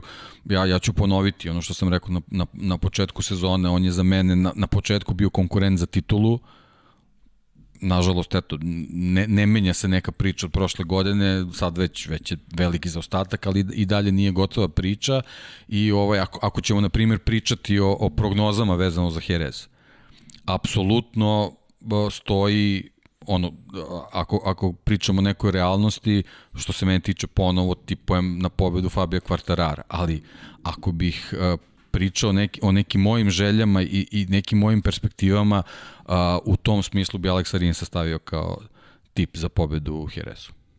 ok, slušajte Eto. Dekija, Deki je do sada bio prilično Eto, to precizan. je, to je to. Pazi, u najmanju ruku ovo mu garantuje plasman na pobedničko znači, zbog, postolje. zbog svih rezultata Fabio Quartararo apsolutno, ali ako želimo neku ludu zabavu i, i spektakl, Alex Rins. Izvini, mi kažemo da se na mesto zločina vraćaju zapravo Mark Marquez, kažu naše kolegi Valentino Rossi, pošto je za Rossi to bio najbolji plasman u poslednjih godinu, u poslednjih 12 meseci malo manje, ok, bio je juli ipak prošle godine, ali ovo je mesto zločina i za Aleksa Rinsa. Rins je taj koji je zaslužio medalju hrabro, orden časti i hrabrosti prošle godine, skočio je s motocikla da podsjetimo u kvalifikacijama za prvu trku sezone. Zašto? Jack Miller je bio u šljunku ispred njega, u momentu kada je prolazio kroz onu super brzu desetu krivinu, je izgubio kontrolu nad motorom, u običajenoj nekoj situaciji samo bi pustio motocikl i otklizao. Međutim, puštanje motocikla bi podrazumevalo da motocikl završi u Jacku Milleru i Rins je rešio da pokuša da nekako ga usmeri negde drugde pre nego što je zbačen s motora.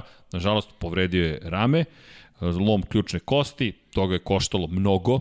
Sezone. Sezone praktično, bukvalno Kada sezone. vidimo rezultate Joana Mira, apsolutno me jasno, u tom trenutku nismo mogli, Nismo da mogli da pretpostavimo pretpostavimo, da, da će tako to izgledati to, godina. to Ali to. taj moment hrabrosti koji, za koji zaslužuje velike čestitke i, i zahvalnost, pa i pozdrav evo iz Lab 76, je nešto što je na kraju dana bilo mesto zločina, je desilo se u Herezu, na mestu zločina iza njega. Sad, s moje strane, priznanje je u vidu prognoze za pobedu. Certified by da. Deki. I am Dejan Potkonek and I approve this message. ok. Ne, da angažujem me da ti da čitam slogane kada se budeš kandidovo za nešto. Šta. Zapamtit ću.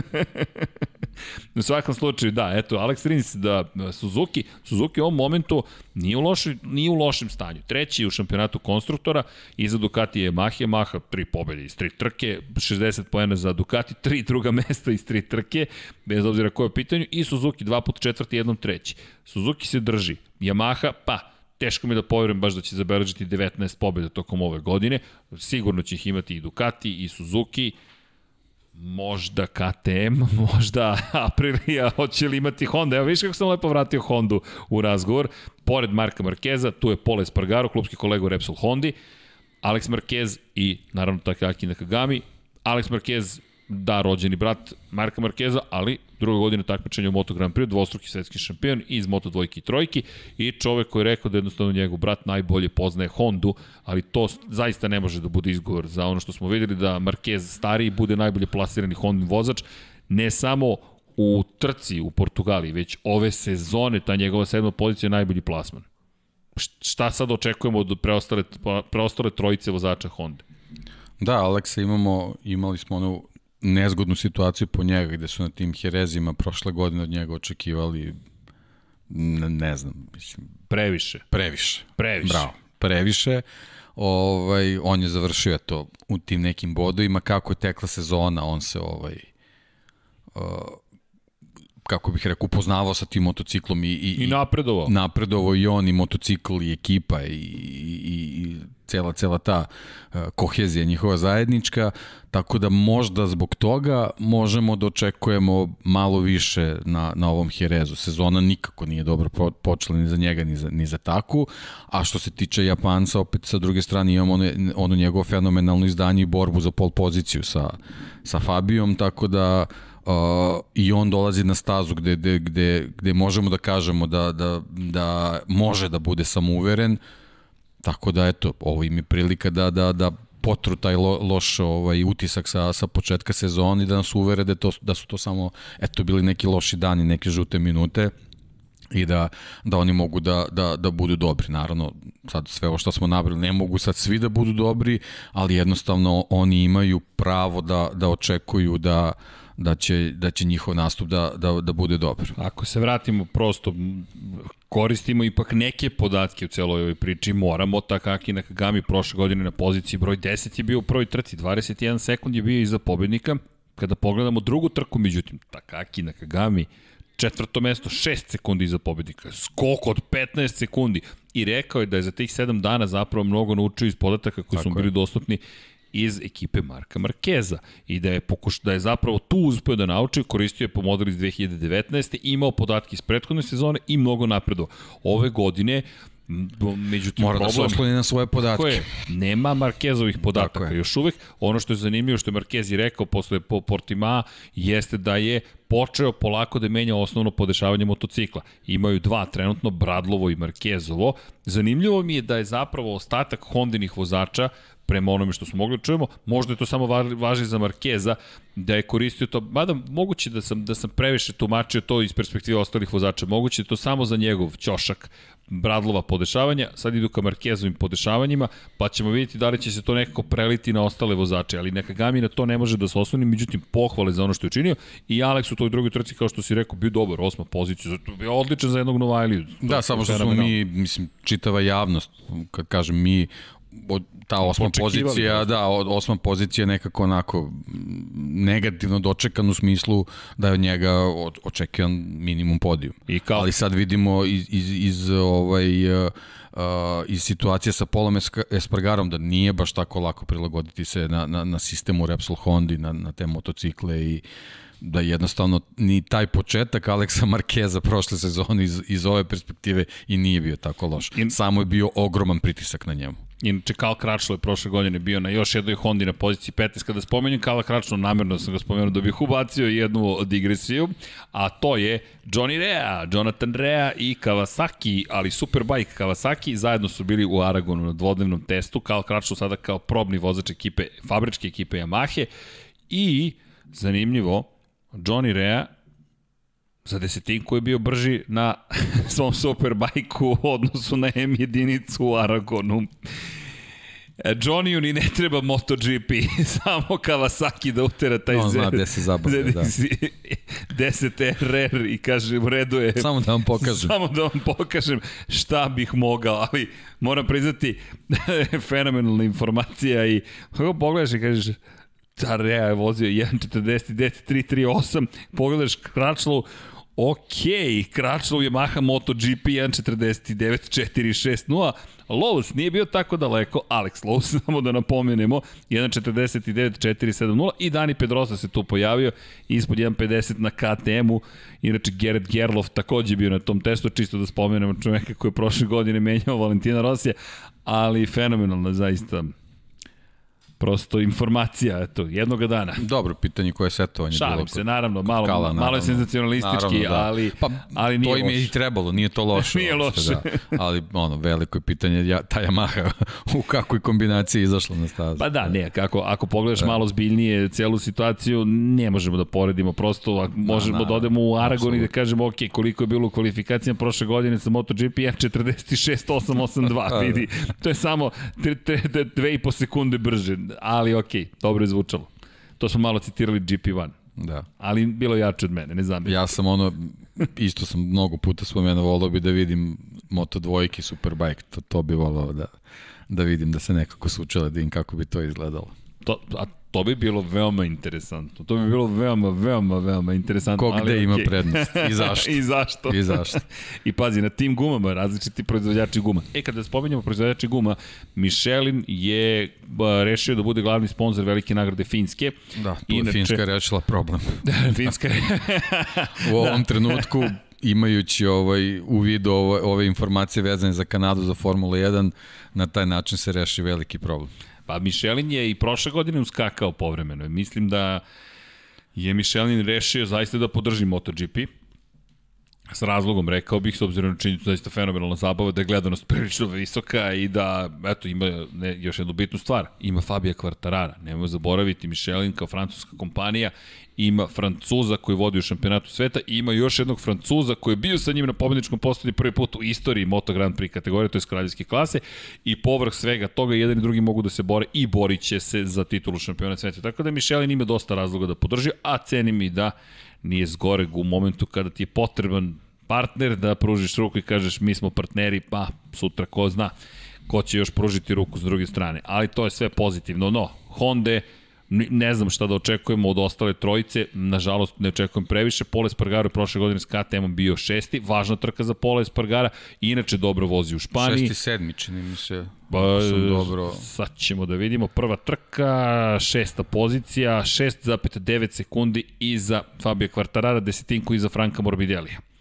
Bila je dobra trka, Pole Espargaro sedmi u drugoj trci. Da, ali, ali sa velikim, velikim za, za ostatkom. E, ali to je zanimljivo, KTM da, da, je mnogo da, izgubio u drugoj da, trci. Da, da, da. Nije ličio na sebe, a vremena su bila relativno slična za pobednike, pa i za drugo plasirane.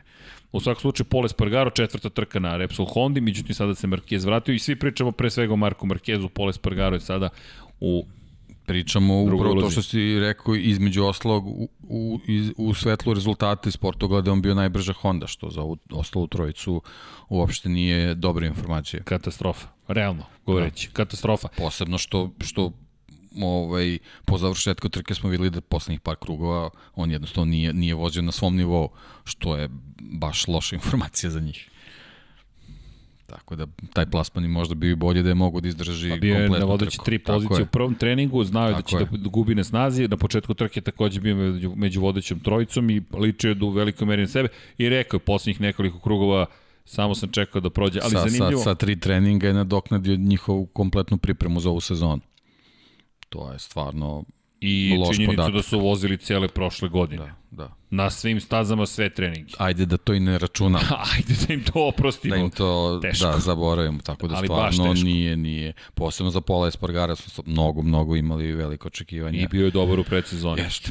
Ali bojim se da je, da je propustio da da je propustio prvi. Ajde daćemo im šansu svoj trojici u Herezu zbog te, te, neke, te neke prošlosti, ali vidjet ćemo. I zbog toga što Mark i dalje očigledno nije, nije na, na, na, njegov, u nekoj top formi. Njegov režim do Muđela bi trebalo da bude nepromenjen. Samo vožnje MotoGP-a i ništa više od toga. Mislim da to nije dovoljno za, za da se izdrži čitava trka, ali Zahtevne su staze. Verovatno ne, i ne može drugačije. Možda mu pomogne eventualno Le Mans, to je kiša u Le Manu. Nije to da. isto jednostavno pista, ali kiša tu može da odigra ulogu. A kišu negdje očekujemo najmanje u jednom treningu.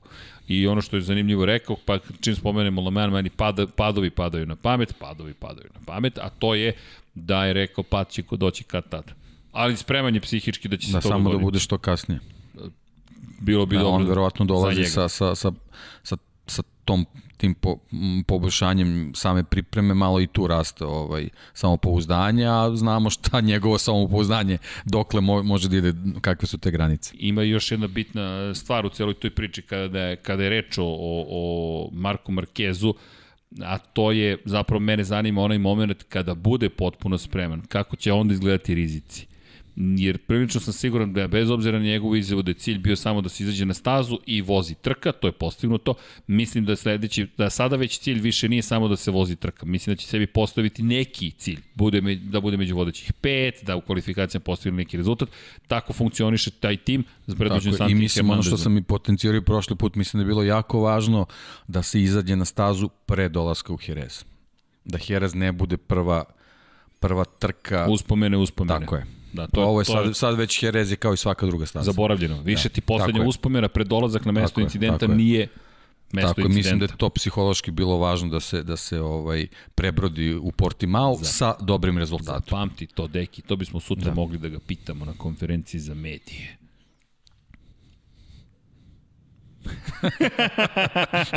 Sve pamtim. Zapamti da, pitanje. Da, da. da. Samo ako uradim defragmentaciju, gotovo. Ovaj disk nemoj da je već zaboraviš, mnogo, da. mnogo Disk greban je- puta. Da. Čekaj, nisi da. unapredio model, ti imaš još uvek ploče unutra koje se vrte zna mag magnetne igle. Imam lampaše neke. Da, nije baš tako, ne, ne, brzina odziva i dalje je impresivna, ali dobro. Da, i da ne zaboravimo naše prijatelje iz KTM-a, to ono što smo rekli, samo da zaključimo, Miguel Oliveira, jedna loša trka u Portugali, potreban mu je mnogo bolji rezultat, prošle godine nije bio loš, na osmoj poziciji, na prvoj trci, ako pogledaš i, i, i Espargaro i Oliveira su imali taj dobar početak sezone i ne zaboravimo taj padove koje je imao Brad Binder, ali koji su negde potvrdili šta može, KTM je, zahvaljujući Polo Espargaro, znači imao dobar, dobra dva vikenda prošle sezone, samo bih da napomenem da ne zaboravimo Oliveira i da ne zaboravimo Lekuonu, čovjek kada sam prošli put najavio trku u Španiji, nije se više pojavio na stazi. Ali šalno stranu, Iker Lekono, evo je šalno na stranu, očekujem da najzad odveze jednu Pa bolju. vidimo signali iz ekipe već dolaze takvi da strpljenje polako Pa ističe. Ističe, Jednostavno da. da. dobio je priliku cijela prošla sad godina. je, sad je malo istrpljen, pošto i on ima operaciju Jeste. arm pumpa, sve okej, okay. sad dolaziš na stazu potpuno spreman, više nema povrede, nema ničega, dolaziš opet, opet ista priča, Jerez, znaš ga, šta još treba. A ja ću se, ja ću se držati one, one rečenice Danila Petrućija, jer to je sve generalno povezano. Ako je KTM dobro pripremio motocikl za ovu sezonu, to će se vidjeti u Jerezu. Ako je motocikl dobar, a vi ste takvi kakvi ste, i KT mora neki dobar rezultat da očekuje. Ba već prvi trening će nam mnogo toga reći. Očekujemo relativno niske temperature, 21 stepena Celzijusa spoljna temperatura, oblačno vreme u subotu, mestimično oblačno, u, prostite u petak, mestimično oblačno u subotu i trebalo bi da bude sunčano u tokom trke u nedelju, ali opet ne preterano visoke temperature. Očekujemo temperatura staze da bude od 30 do 40 stepeni Celzijusa. To su optimalni To je uslovi. optimalno, To tako je je. bukvalno savršeno trkanje i to je taj lepi početak ranije bio tog evropskog dela sezone. Vetar ovde ne mora toliki uticaj da ima, Da, osim ukoliko... na ovom zadnjem pravcu, ali s obzirom to što si pričao, nije to ništa toliko dugačko da, da sad može nešto da poremeti.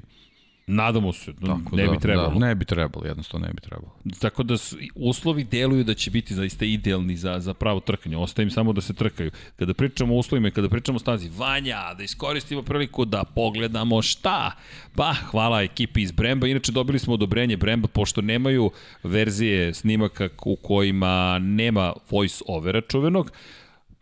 Tražili smo dozvolu da Bogdan opet, cijela ekipa, skinemo engleski prevod i iskoristimo priliku da vam mi kažemo šta imamo da kažemo po pitanju ove staze. Dobrodošli još jednom u Španiju, staza Jerez de la Frontera, to jest Angel Nieto. I kada govorimo o statistici, 4423 metra, trka će biti dugačka 110 km, 25 krugova, ali iz perspektive Bremba, najsnažnija tačka kočenja, ulazak u krivinu broj 1.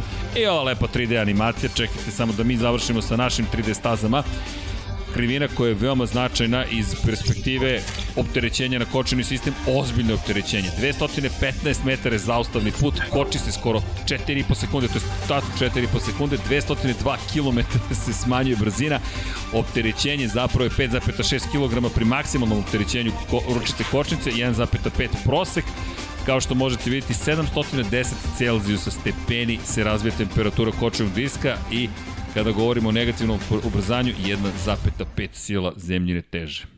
I hvala Brembu na ovim divnim stvarima, a mi smo rekli prikupit ćemo sve više ovakvih stvari, zašto? Pa, zato što želimo da bude sve još impresivnije, da se još bolje pripremimo za same trke. Krivina broj 1 je jedna od tih krivina, ali verujte, ukoliko ste obratili pažnju, ova staza je obeležena kao staza na kojoj je kočeni sistem veoma ozbiljno opterećen. I vodit ćemo s toga računa kako se ponaša prednji kraj kod koga. Ta prednja tvrda asimetrična guma mislim da može da odigra ozbiljnu ulogu. Mišelin je u svom zvaničnom saopštenju za javnost pričao o baranju rekorda i govorio je o tome da su oboreni rekordi tokom prve tri trke, brojni, ne svi, izvinjam se, ali da ovde očekuje još jedno baranje rekorda. Ajde da vidimo taj brzinski iz 2014. da li će da padne. ali hvala im. I tako dođe smo mi do čega? Do Moto dvojki. Deki, mnogo uzbuđenja nas očekuje tokom ovog vikenda. Imamo i četvrtu kategoriju, predstavit ćemo, mada, hoćemo pre Moto dvojki da pričamo o Rosiju. Pa možemo, da, Mislim da bi gener, trebalo. generalno je vezana Važna je priča, priča. za, za Moto Grand Prix. Važna je tako priča, da, ne da, moramo, za da, da, može, kategoriju. može, apsolutno, da. Potpisivanje Apsolutno, ugovora je da. prilično velika stvar.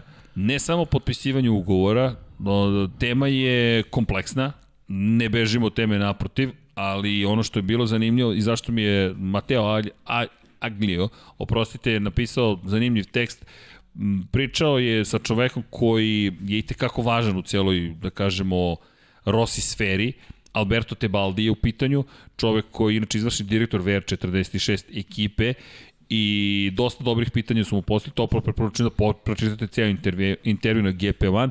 Ono što je tu zanimljivo jeste zapravo to udruživanje sa Aramkom. Zašto sa Aramkom? Pa tu sada već ulazi se i u sfere politike. E, govori se, pri- pričamo o tome da je potpisan ugovor sa Saudijskom Arabijom. Saudi Vision 2030 je projekat koji je postavila Saudijska Arabija i koliko god da uslovno rečeno pričamo o tome da politika nije nešto čime se bavimo, prosto ovo je život, ovo je sport i politika između ostalog igra važnu ulogu u cijeloj priči. Dosta je problematično iz perspektive pogotovo zapadnih medija, ali generalno, s obzirom na činjenicu da je režim Saudijske Arabije režim koji je priznao da je ni manje ni više oteo sobstvenog građanina u Turskoj i u konzulatu u Istanbulu izvršio ubistvo. I mi govorimo o tome da se Valentino Rossi sada udružio sa tim istim režimom. Potpuno je neverovatno da imamo tu priču u, u celom ovom, u, u Moto Grand Prix-u, ali ta priča se otvorila i neće tek tako nestati, pogotovo što je i Tebaldi, i Tebaldi, oprostite, i Rossi su rekli da je ovo nešto što je veoma značajno za njih na duge staze. Ovo nije samo sponzorstvo, ovo je partnerstvo. Ako uh, pričamo o tome da će tematski park nastati u Saudijskoj Arabiji, Valentina Rosija, da učestvuje u toj viziji Saudijske Arabije 2030. mi pričamo o tome da je jedna od ikona Moto Grand Prix-a otišla u nekom smeru koji niko nije očekivao. Moram ti priznati da kada sam čuo što, da kako je šta potpisano, toliko pitanja sam imao u glavi koje nemaju nikakve veze s motociklizmom da sam rekao, o ne. To mi je bio prvi komentar, jer ot- otvara jednu veoma ozbiljnu priču, prilično zahtevnu, ali neophodno je i to spomenuti. Ovo je čovek koji je legenda Moto Grand Prix, promenio je lice Moto Grand Prix, ne samo tih devet titula, ne samo 115 pobjeda, već sve što je doneo kada je reč o emocijama i odjednom se nalazi u jednoj političkoj situaciji. Vrlo ozbiljna tema. Pa sve ovo što si nabrao je apsolutno jasno zašto je on u toj priči sa druge strane. Zašto, Zašto baš su on njega izabran. želeli, tako je.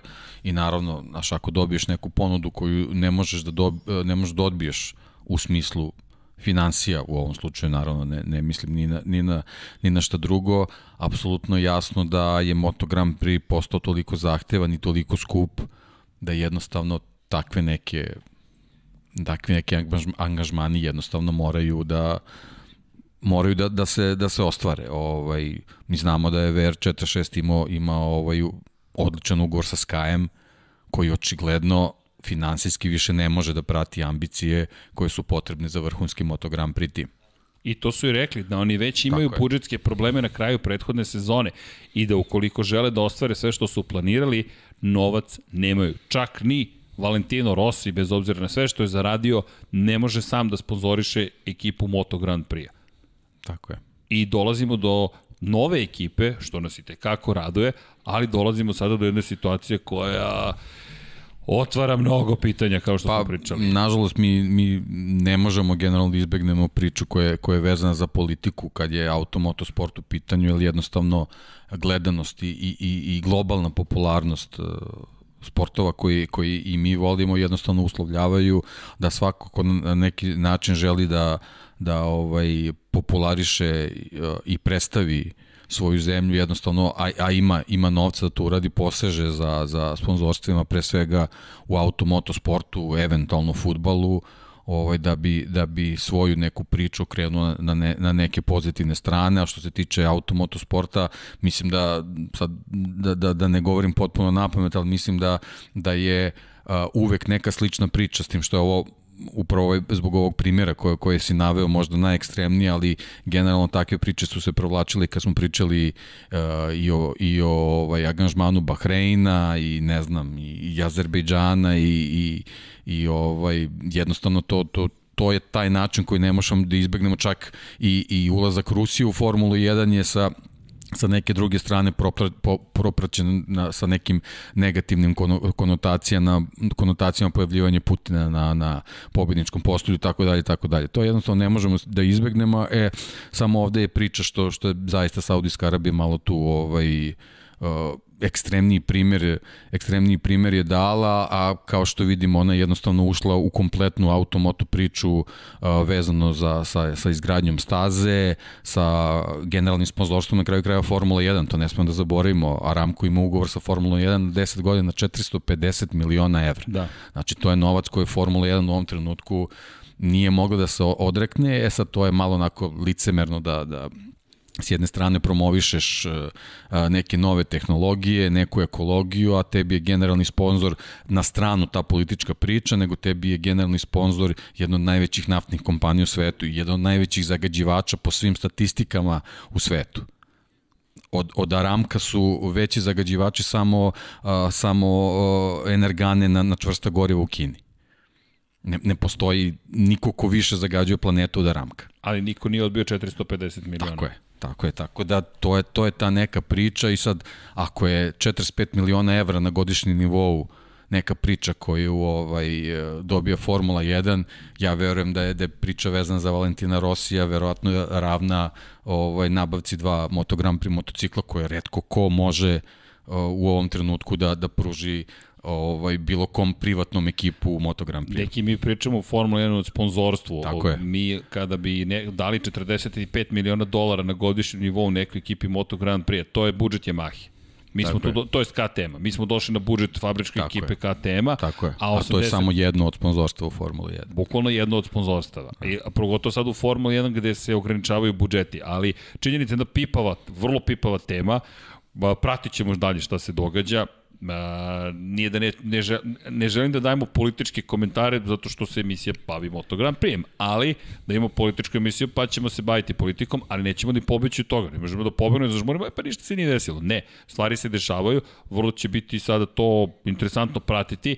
Sutra David Emmet, inače koji je najglasniji u celoj toj priči, je rekao da će takođe pitati Valentina Rossi na konferenciji za medije konkretno zašto je baš izabrao Saudijsku Arabiju kao čovek čije lice žele žele svi praktično, da li je moguće da nije mogao da nađe nekog drugog sponzora. Naravno, nivoi licemerija su vrlo ozbiljni, jer ne govorimo ovde uh, o, ovde, ovde govorimo o geopolitici. I sad, svaka država na planeti Zemlji i te kako ima putra na glavi. Dakle, svaka. Možemo da krenemo na zapad, na istok, na jug, na sever.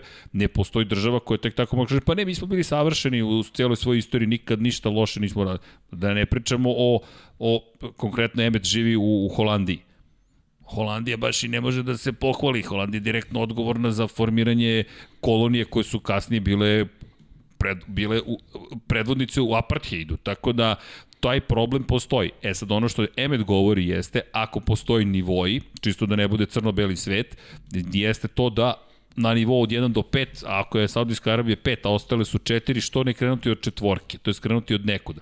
Tako da će to biti interesantno, cenim da će biti jedno vreme priče o tome, da će onda vremenom prosto nestati kao što i Katar bio u jednom momentu zanimljiv iz te perspektive, prosto i to pa da, nekako eto, na primjer, zanimljivo je sad, eto, spomenuo se našeg kolegu koji je Britanac. Jeste. Kako, kako nije na isti način reagovao kad je taj, ta, ista, ta ista kompanija postala sponsor Formule 1. Znaš, to je, to je sve malo. Sad ovde, pošto neka Italiju priče, onda kao ja imam pravo da, da malo više podignem glas. Tako je, tako je, tako da. Geopolitika. To je, ako, ako se već, ako već postoji neka tvoja priča oko principa, onda ih koristi pa, od početka. Da, ali ako pričamo o Repsolu, Repsol da. i u Argentini imao svoju kompaniju. Znaš, to, to je nemoguća je, misija, tu je. nema nikog ko je čist.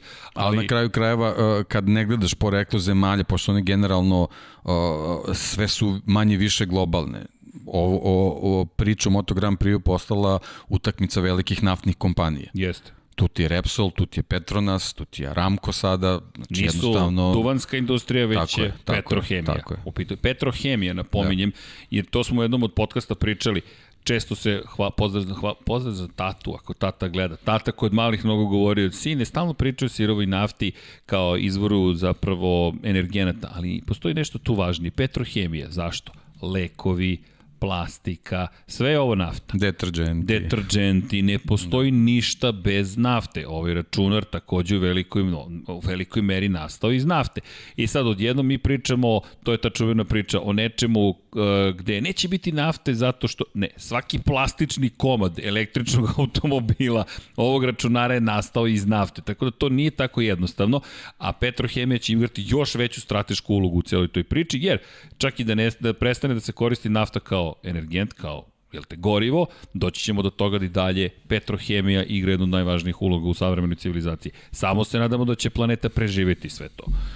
Držimo palčeve, ali Tako kažem, ne, da ne pobegnemo prosto od teme koja mislim da će biti jedno vreme na, na dosta ozbiljna, Jeste, ali, ali, ali eto činjenice, znači Aramco je na ogromna vrata ušao u Formulu 1, imaju strategiju i sa Moto Grand Prix, što, kako bih rekao, imponuje organizaciji Moto Grand Prix, koja je prema nekim statistikama a, postala gledanija od Formule 1. To je to je mnogo bila nemoguća misija. stvar. A znači, neka, mrežama... nekada se a, vezano za gledanost u svetu pričalo o olimpijskim igrama, o svetskom prvenstvu futbolu, Superbolu, Superbolu i o trkama Formule 1. Moto Grand Prix nigde bio. U snovima nije, nije bio. Tako je. A ko je čovek koji je doveo do toga, između ostalog, da se krene tim tako putem, Zen majstor Valentino Rossi. Tako je. Zanimljiva priča u svakom slučaju i bit će, pratit ćemo ovo. U da. čitavoj ovoj priči što se nas tiče najvažnije da on nastavlja svoju filozofiju da ostaje uz Moto Grand Prix. Ima još jedna tu bitna napomena, a to je da naredne godine može da se desi da će voziti za svoju ekipu. GP1 baš insistirao na to, potencirao je to pitanje u ovom intervju i podsjetio je na činjenicu da je Giacomo Agostini poslednju sezonu svog učešća u šampionatu sveta vozio zapravo za sobstveni tim. A Rossi bi mogao da, ukoliko je Maha odluči, to je Petronas da ne nastavi saradnju, da i dalje ima slobodno sedište gde? Pa u sobstvenoj ekipi. Pa sad VR46 u VR46 ekipi na aprili u oproštajnoj sezoni, još uvek nije potvrdio čovjek da će voziti ili neće voziti, Ali... Ono što si rekao, pošto videli smo Valentino Rossi zaista dosta polaže na neka, na, ne, na neka svoje osjećanja i, i te stvari, vezano za, za motocikle, njegova emotivna veza su Aprilia i Yamaha. To je to, više to puta dokazao, veze, pokazao. Je. Vezano za Apriliju i Yamahu, tu se pojavljuju Agostini i Kenny Roberts. Tako da je to ta neka veza i mislim da tu trebamo tražiti između Aprili i Yamahe možda, možda taj, taj neki nastavak. Na, prema ovome sve što si rekao, možda smo bliži Aprili u ovom trenutku, ali što, što se mene tiče, ako gledamo priču sledeće sezonu, jedini siguran u čitavoj priči koji će naći u tom timu je Luka Marini. tako da... da, da, ko ima siguran potpis, da. gde, će, gde će biti ostali iz VR Akademije, uključujući i, i Mastera Akademije, vidjet ćemo. Ali, ali mislim da njegova karijera zbog svega ovoga možda još nije gotova, a možda će i Jerez i sama trka pokazati da on još ima tu šta da kaže. I o, Tebaldi, ono što je zanimljivo, takođe rekao da će tim biti otvoren ne samo za vozače Akademije, već i za druge takmičare. Tako da... Znaš kako, to je, to je privatni tim koji mora da ovaj, pravi sponzorske pakete da bi opstao. Tako da svaki vozač koji je u stanju da ovaj, obezbedi dobar sponzorski paket, uključujući i Tita Rabata, je dobrodošao. Vidi, ja sam sada dobio iza kulisa refill kafe ovde, to niko nije vidio. Šta ti je magija televizije? Deki samo preuzeo glavnu reč, a kafa je stigla, hvala da bismo ostali budni, jel te? Da, Tebaldi, eto, dao je prilično opsižan intervju, deluje mi kao da je nastup za javnost planirani, s obzirom na činjenicu da su sada u baš agresivnoj promociji cijele ekipe i eto, kao što si rekao, emocije, vidjet ćemo na koju stranu će prevagnuti kada je reč o tome.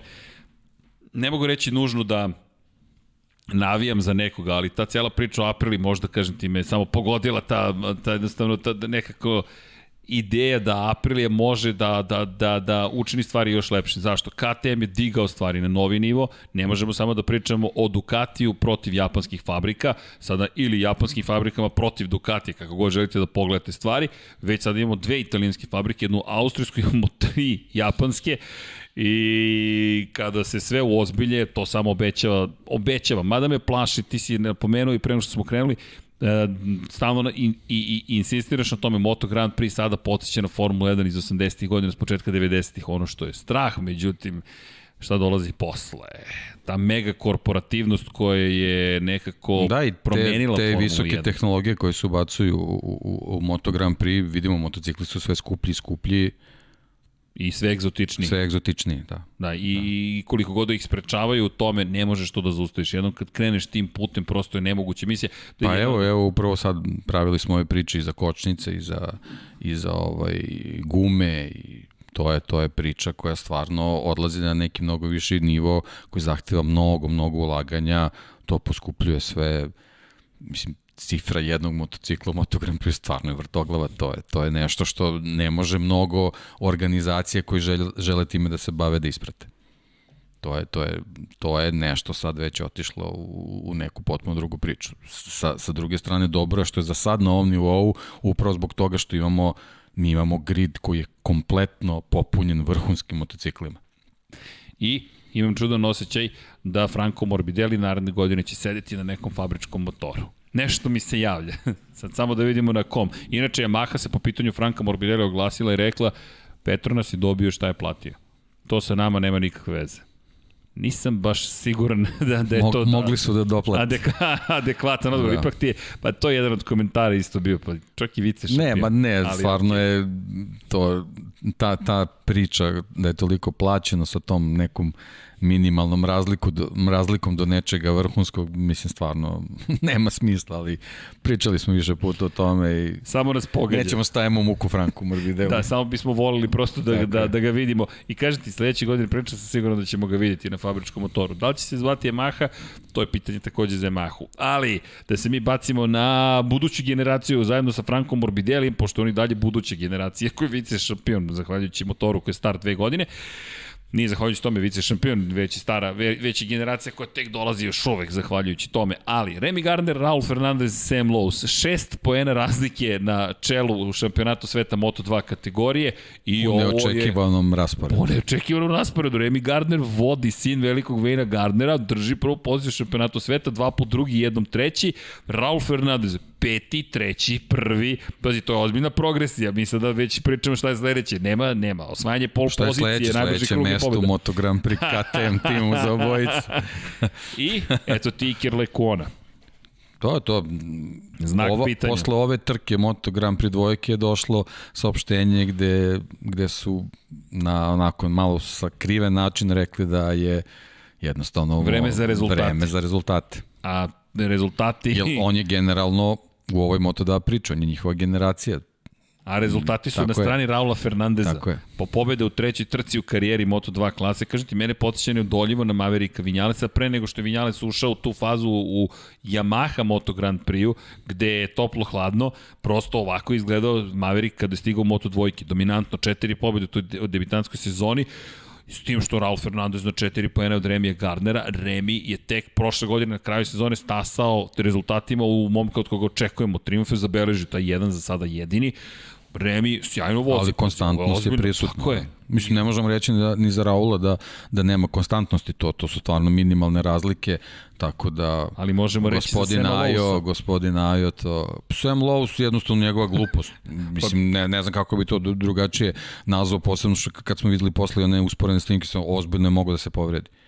Mislim, to je stvarno ono nekako bih rekao nepromišljeno u tom trenutku i nije na nivou njegove vožnje iz prve dve trke gde smo videli jednu smirenost, taloženost, iskustvo, a ovo je bio neki pravi Sam Lowe's koga ne želimo uopšte da, da vidimo. To, to loše zvuči da, pravi da, da. Sam Lowe's, ali Ta, činjenica tamna da to... strana mu ne treba stvarno. Tamna strana meseca. Tam, ja, ček. Tako je. Spomenuli smo mesec. Jest. Hoćeš, molim te da, da Da, da, lepše, da, ti ćeš lepše. Da napomenem, ti ćeš lepše. ali čekaj, ajmo ovako. Uh, mi sada spremamo, koje izdanje Vanja spremamo Kosmosa 76? izdanje broj 11. I Deki, moram da ispričam priču, ne zamerite, slobodno, ali to je da. podcast, nadam se da uživate. Ako ste sa nama u ovo doba noći, onda cenim da ili ste čudni, ajde tako da se izrazim, ili uživate. Ja se nadam ovo drugo. A može i ovo prvo, očigledno da mi jesmo. I Deki kaže, pazi, Kosmos 76 stiže, Deki, e, nema problema, može i to da bude tu, ovde nešto iza kulisa se zbiva, ali Kaže Deki ide, ide izdanje broj 11. I se izvinjam, pa, Vanja, možeš da dodaš, molim te, šta stoji tamo iza Dekija o, ove Lego? I šta se događa? Kaže Deki, Srki, broj 11. Ako pričamo o kosmosu i nešto je broj 11, onda mi moramo tu da pričamo o čemu? O Saturnu 5, zašto? I misiji Apollo 11. I mi smo rešili da složimo ovo za Cosmos 76 broj 11, da li će biti timelapse ili ne, to smo obećali još pre 12 meseci, ali očekujemo drugari da nam se pridruže, Ivan se oporavio, Milica se oporavio, gde, gde su Ivan i Milica? Obećali su da će sra... A, Ivane, nadam se da slušaš. Elem, Apollo 11 i misija koja je dovela ljudsku vrstu na mesec, Rekao si da mesec stoji kod tebe i sa otiskom stopala noge, to je stopala, ne može da bude stopalo ruke, ali dobro, otiskom stopala je istaknuto u prvom kadru. Zašto to napominjemo? Ko pamti te ljude? Neil Armstronga svi pamte. Edvina Oldrina svi Pa ako ne pamte, makar na keca mogu da kažu Aldrin, Buzz Aldrin, tako je. Nekoga je slikao. Tako da. je, nešto se dešava. Ko zna za Michaela Collinsa? Ko zna, vrlo malo ljudi zna za Michaela Collinsa i mi ćemo naravno spomenuti gospodina Michaela Collinsa, čoveka koji je nažalost preminuo, ali danas, danas tako je, 11. prosto taj moment koji Apollo 11 je moment koji zaista verujemo da je važan, važan za ljudsku vrstu. Čovjek je bio rođen 1930. godine, 31. oktobra, 28. aprila 2021. preminuo. Čovjek koji je upravo komandnim modulom Kolumbija 1969, inače ovaj Lego ima 1969 delova. Da, 14 plus je, tako sklopit 14 plus. Vanja, ti ne možeš, izvini. Ali šalu na stranu, Vanja je car. Vanja inače bio u SKNFL podcast. Znaš koliko ima delova? 1969, 69, tako da, je, da. tako je. Mislili su o detalju, to nisam ja. Inače, e, ovo je inspiracija bila, ali pričat ćemo o tome u celoj emisiji kako smo došli do toga, ali moram da spomenem Michaela Collinsa, zašto? Zato što je bio deo te ekipe, nije se spustio na mesec, gledao ga je i... Lako ga je video. Tako je. I bio je u orbiti, ali eto, to je nešto što zaista verujemo da treba da se, da se napomene i bilo je jedno od pitanja za Kosmos 76, hoće biti lansiranje drugih, ne samo NASA ili SpaceX-a, hoće. Videli smo i koja su prava za lansiranje Roskosmosa, tako da ne brinete, počet ćemo i to polako da pratimo. Studio nam je kompletiran. izgleda stvarno. Spektakularno, zaista spektakularno. Bajkonur nam inače... Ozbiljno režisar imaju. inače, Bajkonur nam je, ja ne znam da li je, ne postoji prvo mesto, na, imamo da, prosto tri kosmodroma koja, ili svemirske luke koje moramo da posetimo. I inače Indonezija planira svemirsku luku takođe, tako da eto MotoGP i svemir to ide jedno, jedno s drugim ruku pod ruku, ali to nam je plan svakako da, da, da posetimo. Ja silno želim ako uspemo nekako burana da se dokopamo, ja ja gasi kab, i kablove vanja, gasi sve, idemo, ne znam gde idemo, negde zaista u svemir. Ali eto, iskoristili smo priliku da eto, kada već spominjemo tamnu stranu meseca Sema Lousa, da napomenemo, inače ne postoji tamna strana, postoji samo suprotna strana iz perspektive nas koji živimo na planeti Zemlji, inače uvek vidite tu jednu stranu, ali nije, ne postoji tamna zapravo, zahvaljujući rotaciji meseca i rotaciji planete Zemlje, mi uvek vidimo jednu stranu, ali je ona suprotna strana takođe s vremena na vreme ozbiljno osunčana i temperature su preko 200 stepeni Celzijusa. Idemo dalje. Sam Lowe's, verujem da će biti opasan. Prošle godine se ovde vratio posle povrede, nemoj zaboraviti, imali smo trku broj 1 u 2020. u Kataru, međutim propustio je zahvaljujući povredi, kvalifikacije, ulazak među vodeću trojicu i to je veliki povratak Sema Lowsa na sam vrh svetskog prvenstva. Nikada u moto dvojkama nije bio toliko dobar kao prošle i ove godine. Bio je u supersportu, to stalno napominjemo, svetski šampion supersporta. Sada deluje mi da u Herezu će nam pružiti zapravo savršenu zabavu. Raul Fernandez ide na domaće tle. Ide na stazu koju veoma dobro poznaje, kao što je svi poznaju. Testirao je tamo, vozio je niže kategorije tamo, vozio je sve moguće niže kategorije i još pred svojom publikom Raul Fernandez mislim da će biti veoma opasan. Remy Gardner s druge strane u svom uglu ima oca koji je osvojio titul u kraljevskoj kategoriji. Ne pocenimo Vejna Gardnera kao savjetnika. Remy Gardner se mnogo promenio. Od 2015 ili 17. ne mogu da se setim, u Barceloni kada smo se dobacivali gde nam je, hej pa Vanja, lopta koju koristimo u 99 yardi NFL podcastu je lopta kojom smo se dobacivali sa Remim Gardnerom zapravo za američki futbol, tako da trebalo je potpis da mu uhvatimo, ali Remi je jedan opušten lik uvek bio, međutim tada je bio rekao bih nonšalantan u celoj priči. Sada, veoma profesionalno, čak i malo skratio kosicu, ali dobro. I došli smo do toga da da Remy Gardner vodi u šampionatu sveta, Raul Fernandez je na domaćem terenu, a Sam Lowe's želi osvetu. Savršen recept za jednu zbudljivu trku. Trke koje, moram priznati, sam očekivao drugačiju trku. Neko je pitao zašto da gledam Moto dvojke. Rekao da se diviš tome da desetinke odlučuju o, o pobedniku. Možda neće biti preticanja, kako sam pogrešio.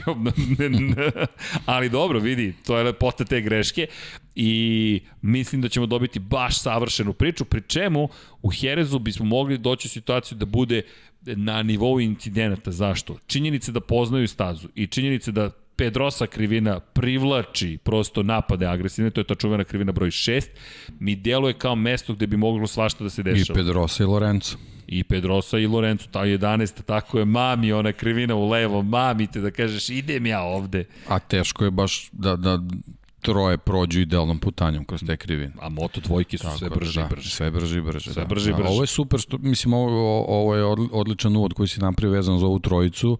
Ovo, ali tu imamo još nekoliko vozača koji se i po pozicijama na, u generalnom plas, plasmanu već, već sami najavljuju kao, kao kandidati da, da, da, da, da, da tu začine malo, malo čorbu i tu pre svega mislimo na Becekija i Diđan Antonija. Nismo nešto malo i više favorizovali na, na, na početku sezone, ali nisu nas baš onako pa, da zadovoljili. Da svi... moram, moram, moram da priznam. Ali... Nekako nije to taj nivo koji smo, koji smo od njih očekivali, ako se slažeš. Da li je nivo njihov da. problem ili je zapravo to posledice mnogo višeg nivoa vodeće trojice? Pa jeste, ali znaš kako, ti ako, ako imaš neke šampionske ambicije, ako si taj kalibar, ti moraš da se adaptiraš na to razlike u motociklima ne postoje. Postoje u pripremi. Ali, da. Koliko je ekipa ali ozbiljnija, posvećenija, s kakvim podacima raspolažeš i tako dalje, ali nisu tolike razlike.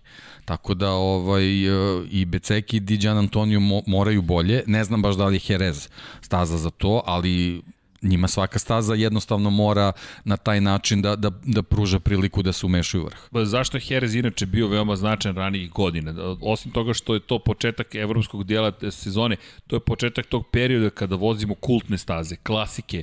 O, ovo je staza koja je toliko dugo u šampionatu sveta da mi ovde govorimo o, o nedvojivom komadu kalendara. Mi pričamo o stazi koja je sagrađena 1986. godine. Sada su to već neke godine, to je to sa 35 godina stara staza. Prva trka, inače, kada govorimo o velikoj nagradi Španije, nije održana 1949. ali nisu dugo čekali na svoju prvu trku. 1950. nezvanična trka svetskog prvenstva, Nelo Pagani, inače Mondjuik. 1951. već ulazi u šampionat sveta. Bilo je tu nekih pauza, ali generalno trka u Španiji je jedna 70 godina. Ozbiljna trka. Mi govorimo o trci to, u, u, u kojoj ti želiš, inače ovde Honda ima 50 pobeda za veliku nagradu Španije. Yamaha 41, Aprilia 22, MV Agusta 11, Kreidler i Derbi po 10, pazi Kreidler, koliko je ovo stara trka, Kalex ih ima 9, Suzuki 8, poslednja osvarena 2000. godine, opet priča, možemo da pričamo o, o, o Keniju Robertsu, možemo da pričamo pa i o Seteu Gibernau, Kawasaki ima 7 pobjeda, Kawasaki, čisto da se razumemo, Kawasaki kao 1983. zabeležio poslednju pobedu, Morbidelli, Garelli i KTM, KTM u novijoj istoriji, Bultaco, Moto Guzzi, JJ Kobas, Kreuzer, Minarelli, Harley Davidson ima dve pobede, 1975. 76. u 250 kubika. Mi pričamo o jednoj preozbiljnoj trci i to je početak tog klasičnog perioda sezone. Ide Jerez, ide Le Mans, ide Mugello, ide Katalonija, ide Asen, ide Saxonring, idu staze na kojima se osvajaju titule. I zato, bez obzira što je Portugalija otvorila evropsko tle. To sam htio da kažem, ona je odlično vertira. To. Zato što ističe kandidaturu da postane ovaj legendarna staza kao te koji si naveo, samo joj nedostaju godine, nedostaju sezone. I upravo na toj stazi se pokazalo ko tu može svojim talentom da, da, da konkuriše za vrh. Nažalost, Beceki i Diđan Antonio nisu baš bili na tom nivou, za razliku od Kanea i Robertsa, koji su sledeći u, u, u, poredku u šampionatu, ali koji su baš na toj stazi pokazali da od njih može u Herezu da se očekuje, očekuje više i sad u ovom trenutku njih treba staviti ispred Becekije, Diđan Antonija ali, uz ovu trojicu koju smo naveli. Zato mi je oprosto ovo tako velik test. Ako pogledaš, mi, sta, mi sada pričamo priče, to si ti lepo primetio još pred dve trke, mi smo mo, u Moto dvojkama dobili stari Moto Grand Prix. Mi sada ovo, ovo su najave koje smo izgovarali pre 10 godina za MotoGP. Sada počinje ozbiljan deo sezone. Nije ovo neozbiljan, podjednaki broj pojena dobijate i za trku u Kataru i za trku u Portugali, ali ovo je taj period sezone. Ogroman pritisak publike neće biti, nažalost, ali Možda zamisliš i motivaciju i pritisak koji se osjeća. Zamisli u Francuskoj sa Kvartararom i Zarkom na ovakvim motorima u ovakvoj formi. Pa to bi bila potpuna ludnica. Mugello, to je već podrazumevano absolut, stanje stvari. Absolut. Jerez, podrazumevano stanje stvari. Barcelona takođe, Barcelona ima reputaciju odlične trke, ali nije na tom nivou na kojem je Jerez. Dođe 90.000, preko 90.000, 98.000 ljudi dođe na dan trke. Međutim, pošto je veliki grad u blizini i pošto se to isprzni za 5 minuta, ušt, samo ljudi nestanu. Da, nema pet, karnevalske atmosfere. Nema karnevalske atmosfere. to sam primetio, to je jednostavno da. onako nekako kao, kao da, da svi teledirigovano po satnici funkcioniš. To ti je... Ali ogromna količina ljudi je tamo. 100.000 da, ljudi skoro da, da. dođe, samo što dođe specijalno na, i u petak i u subotu i u nedelju i ode negde drugde. Prosto Zato odeš što ima sadržaj. Tako je, imaš gde da ideš. U Saksonu ringu došao si, kampo i prijatelju, u Muđelo došao si, šta ima? Ima livada i drveće. I šta ćeš da radiš? Ništa, ne mrdam se odavde. A koliko god bih volao da kažem, otišli su da posete Firencu, eventualno do stadiona Fiorentine. Niko od nas ne ode u muzej. Ko sad ima vremena za muzej? Idemo u muzej brzine, idemo u Muđelo. A a upravo počinje sada taj period godine kada, kada mislim da je poslednji test zapravo i za Diđu i za Becekija. Slaže se s tom, mislim da neće uspeti u tome, da iskreno po izjavama Diđe, Diđe više priča o tome da, da, da se još ne zna koji će motor da ima Moto Grand Prix. Diđe na glava je u MotoGP-u. To je moj utisak. To je loš recept. To je, to je loš recept, ali on sad daje izjave o tome da se još ne zna koji motor. Ok, ne zna se, ali se zna koji motor imaš u Moto dvojkama osvoji titulu, bori se za titulu. Mislim da Digi to nedostaje da bi bio baš vrhunski vozač, da se bori za visoke plasmane. Ka ne, mi se dopada. Roberts mislim da je našao najzad e, u ekipi da je našao svoje mesto. Potrebno je vreme da se aklimatizuješ. Pa, apsolutno. Prosto je potrebno. Tako da, mo, možda ćemo dobiti još bolju trku, ali plašim se kad to najavim da obično se svede na dominaciju jednog da. čoveka. Da. Raul Fernandez 10 sekundi ima da pobegne kako je krenulo. Međutim, pohvali za Augusta Fernandeza, drugi pa, Fernandez. Da, malo ono, probudio se. Probudio se, šesti, peti. Njega, njega gledamo u, u, u, ovaj, u aspektu sa, sa Seon Lawson. Jeste jednostavno mora bolje. Deli da. garažu, Mark VDS Racing, ozbiljna ekipa i tu to očekujemo prosto da Fernandez... Posledno što znamo kvalitete, Fernandez razlika od 5-6 mesta, da, razlika od 5-6 mesta je mnogo. I, Pritom njegovi dueli nije nema, nema tu nekako neke odlučnosti to to malo malo u Portugalu bilo bolje, ali nije to opet nekako kao kao da je posmatrač u čitoj priči, tak takav je meni utisak ostavio.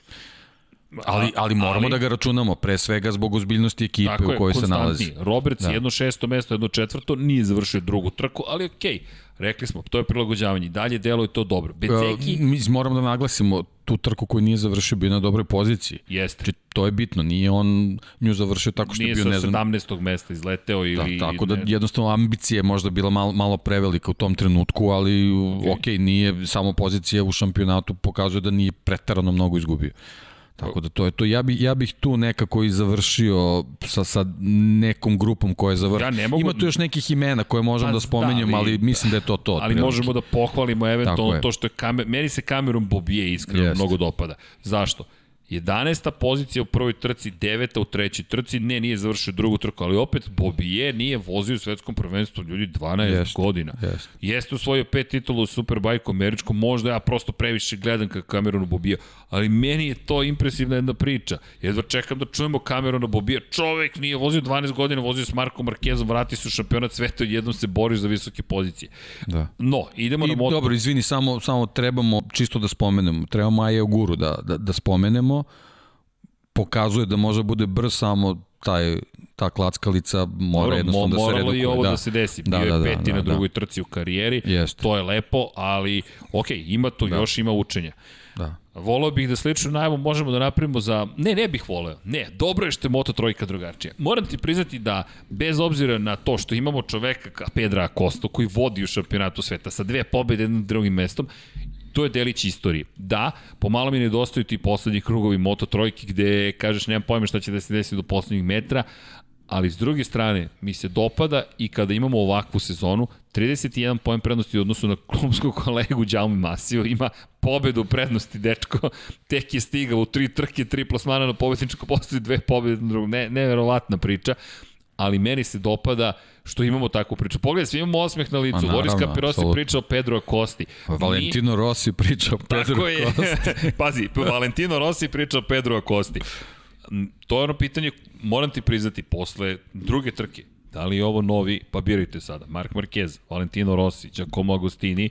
Ne, ja mislim da je ovo novi Pedro Acosta. Slažem se, ti si to, to je, i prošli put da, da rekao. Da, to je jednostavno u mnogim aspektima ne, ne pronalazim slično sa njima, osim rezultata. Osim, ali to je da. to. to je, samo na da. to, o, to, o tome pričam, o, o potencijalnoj legendarnosti. Rano je, ovo su tre, tri trke, mnogo je rano, da. ali... Ali znaš kako, kad dobija a, pitanje šta očekuješ na trci u Herezom, kaže idem da se zabavljam tamo. To, to, je, to je jedina rečenica koju nisi mogu da očekuješ od momka koji ima 16 godina i vodi šampionatu sveta. u, u šampionatu sveta. Mo, opušten idem se zabavljam. A znaš na ko, ja, ok, eto, to me podsjeća do Neklina Markeza u prvoj sezoni u Moto Grand Prix. Posle prve trke, Katar kada to je, je rekao, bila izjava, ali Mark Marquez je čovek Ne, ne, okej, okay, koji... on je, on je... Ali ovo je stvarno iskreno zvuči da je Ali tako. to je ono što si rekao, deluje kao Rossi da. po ponašanju, da. a opet pa i po vožnji nije taj agresivni tip vozača, ali Max Bjađi ga je takođe spomenuo na All Stars Day u aprilije i Bjađi je rekao da ga impresionirao način na koji pretiče. Tako da, moram ti priznati da ću voditi posebno računa. Brati, Bjađi molim kaže, te, molim te, brati, da, Bjađi kaže, vodite to je, računa. To je detalj, spomenuo sam ti, e, primetio sam ga prošle godine u, u Red Bull kupu na Javalija, način kako čovek obilazi. To, to, to je prosto nevjerovatno za momka koji ima toliko godina. Vidi, kažem ti, rekao Jednostavno, si. znaš, kad, kad gledaš sliku i vidiš nekog motociklistu u nekom kombinezonu i ispod te kacige ne zamišljaš dečka, dečaka, nego zamišljaš nekog Čoveka. ozbiljnog motociklistu koji se pripremi za napad, kočenje, ulazak u krivinu. Kažem ti, meni, meni je samo ta činjenica da to Red Bullov kup Novarija. Toliko puta sam izgovorio, očekujemo čudo u svetskom prvenstvu. Dođe i nestane. Bukvalno čovjek nestane, ispari, ne, ne, ne postoji. I štu, Šturla Fagerhaug, ne znam da ga se sećaš. Ok, ja se sećam Šturla Fagerhaug. Pa, ne, vidi, što, meni je, o to mi je, to je, ok, to je, to je moj stres. Dakle, Šturla Fagerhaug, za one koji ne znaju neka surfuju, to je čuveni, za me, meni u mojoj glavi, čuveni norveški mot, mladi, moto, u to vreme mladi motociklista. Šturla vodi preko 50 pojena prednosti ima u šampionatu kupu Red Bullom kupu Novajlija. Jakub Korfel osvaja titulu na kraju te sezone. I Šturla stiže u svetsko prvenstvo, ali ja i dalje pamtim te trke pre nego što ga je Hanika pobedio. Šturla je bio oličenje dominacije, ali jedan moment, kraj, toliko je psihički prosto bio slab, da na kraju nije mogao nikada više da se vrati na taj nivo i bio je neko vreme u svetskom prvenstvu i sve što sam mogao da kažem u prenosima nekadašnji vodeći u Red Bullovom kupu Novajlija, čuvena trka i tako dalje. Zato mi to ostalo. Karl Hanika je sledeći stres u mom životu iz te perspektive. Stigao i to. A, bit će fenomenalno.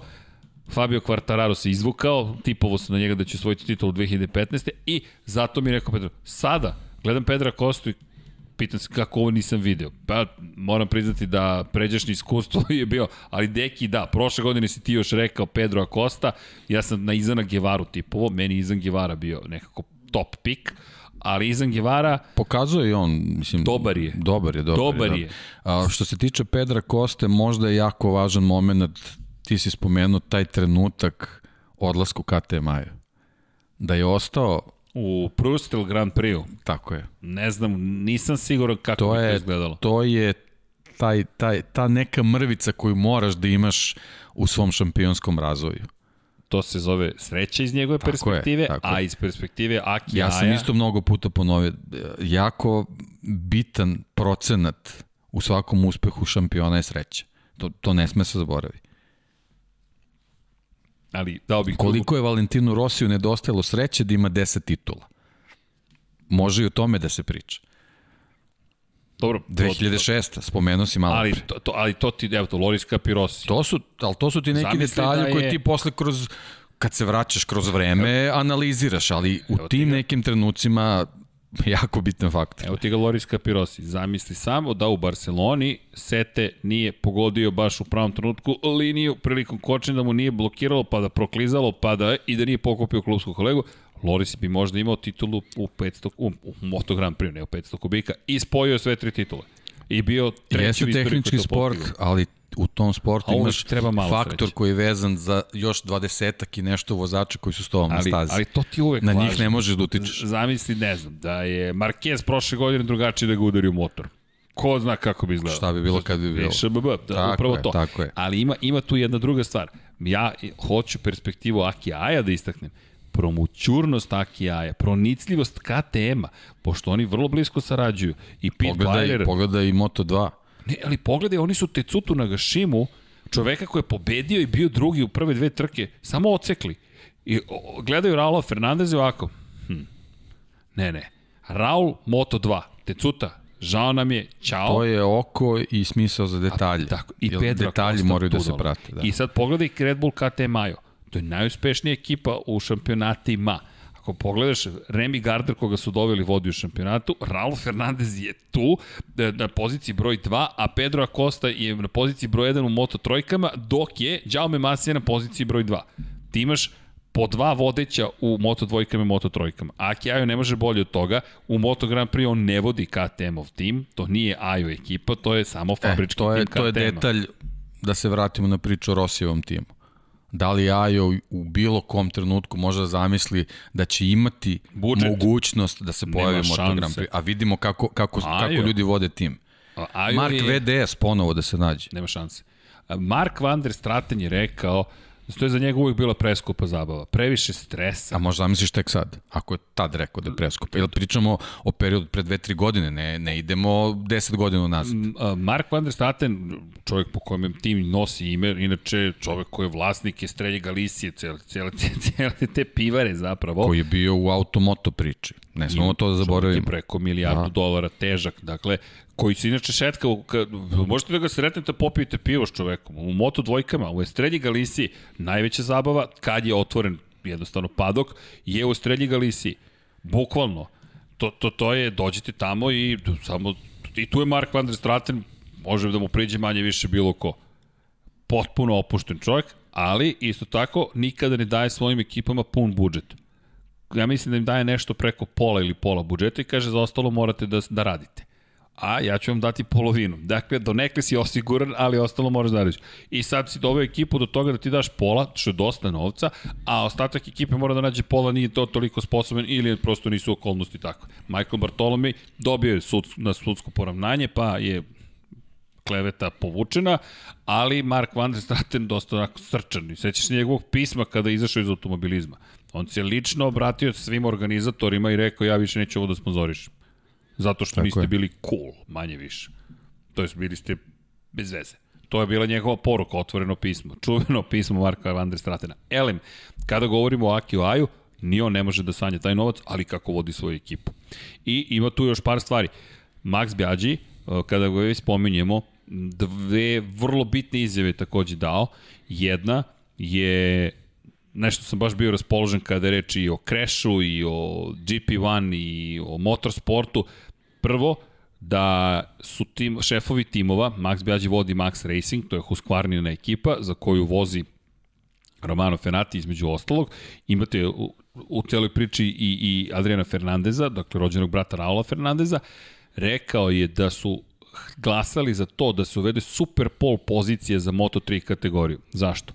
Kazne koje se trenutno dele šakom i, i kapom, dakle na sve strane vozačima direktno utiču na stanje u šampionatu sveta. Derin Binder je kažnjen pred početak trke.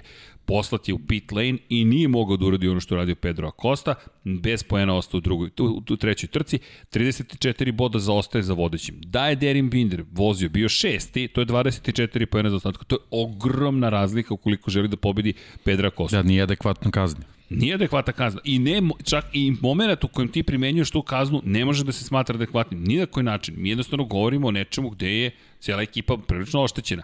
Bjađi je mišljenje da Derin treba... Derin Binder, izvini, kad, kad pogledaš i te perspektive, kažnjen surovije nego njegov timski kolega koji se tukao na stazi. Da. Dakle, što, što, kad staviš te, te, ta dva prekrša jedan do drugog, gde, ne može gde da i sam pored. John McPhee priznao da napravio sam kretenizam potpuni. To je neprihvat, ne, ne Da, da, da, ponašanje. znači, apsolutno jasno, znači nije se on ni branio ništa, sve ok, ja sam to radio, izvinjavam se, adrenalin i tako dalje, ali ti kad pogledaš, kad staviš te dve kazne jedno do druge, njih dvojica su apsolutno identično kažnjeni, kažnjeni, a onda pogledaš kroz perspektivu ekipe koja ozbiljan novac uleže u pripremu Petronas je stao, kao što smo rekli, svim silama i za sve tri kategorije. Tako je. I do, došao do toga I da... Petronas u, u, u, u Moto trojkovima ima 36 binderovih bodova i to je to. To je to. To je to. To za, za novac koji je uložen stvarno nije dovoljno. Nije dovoljno, a pričamo uh, ne, ne samo učinku na stazi, nego jednostavno nekom učinku koji, koji je uslovljen zelenim stolom.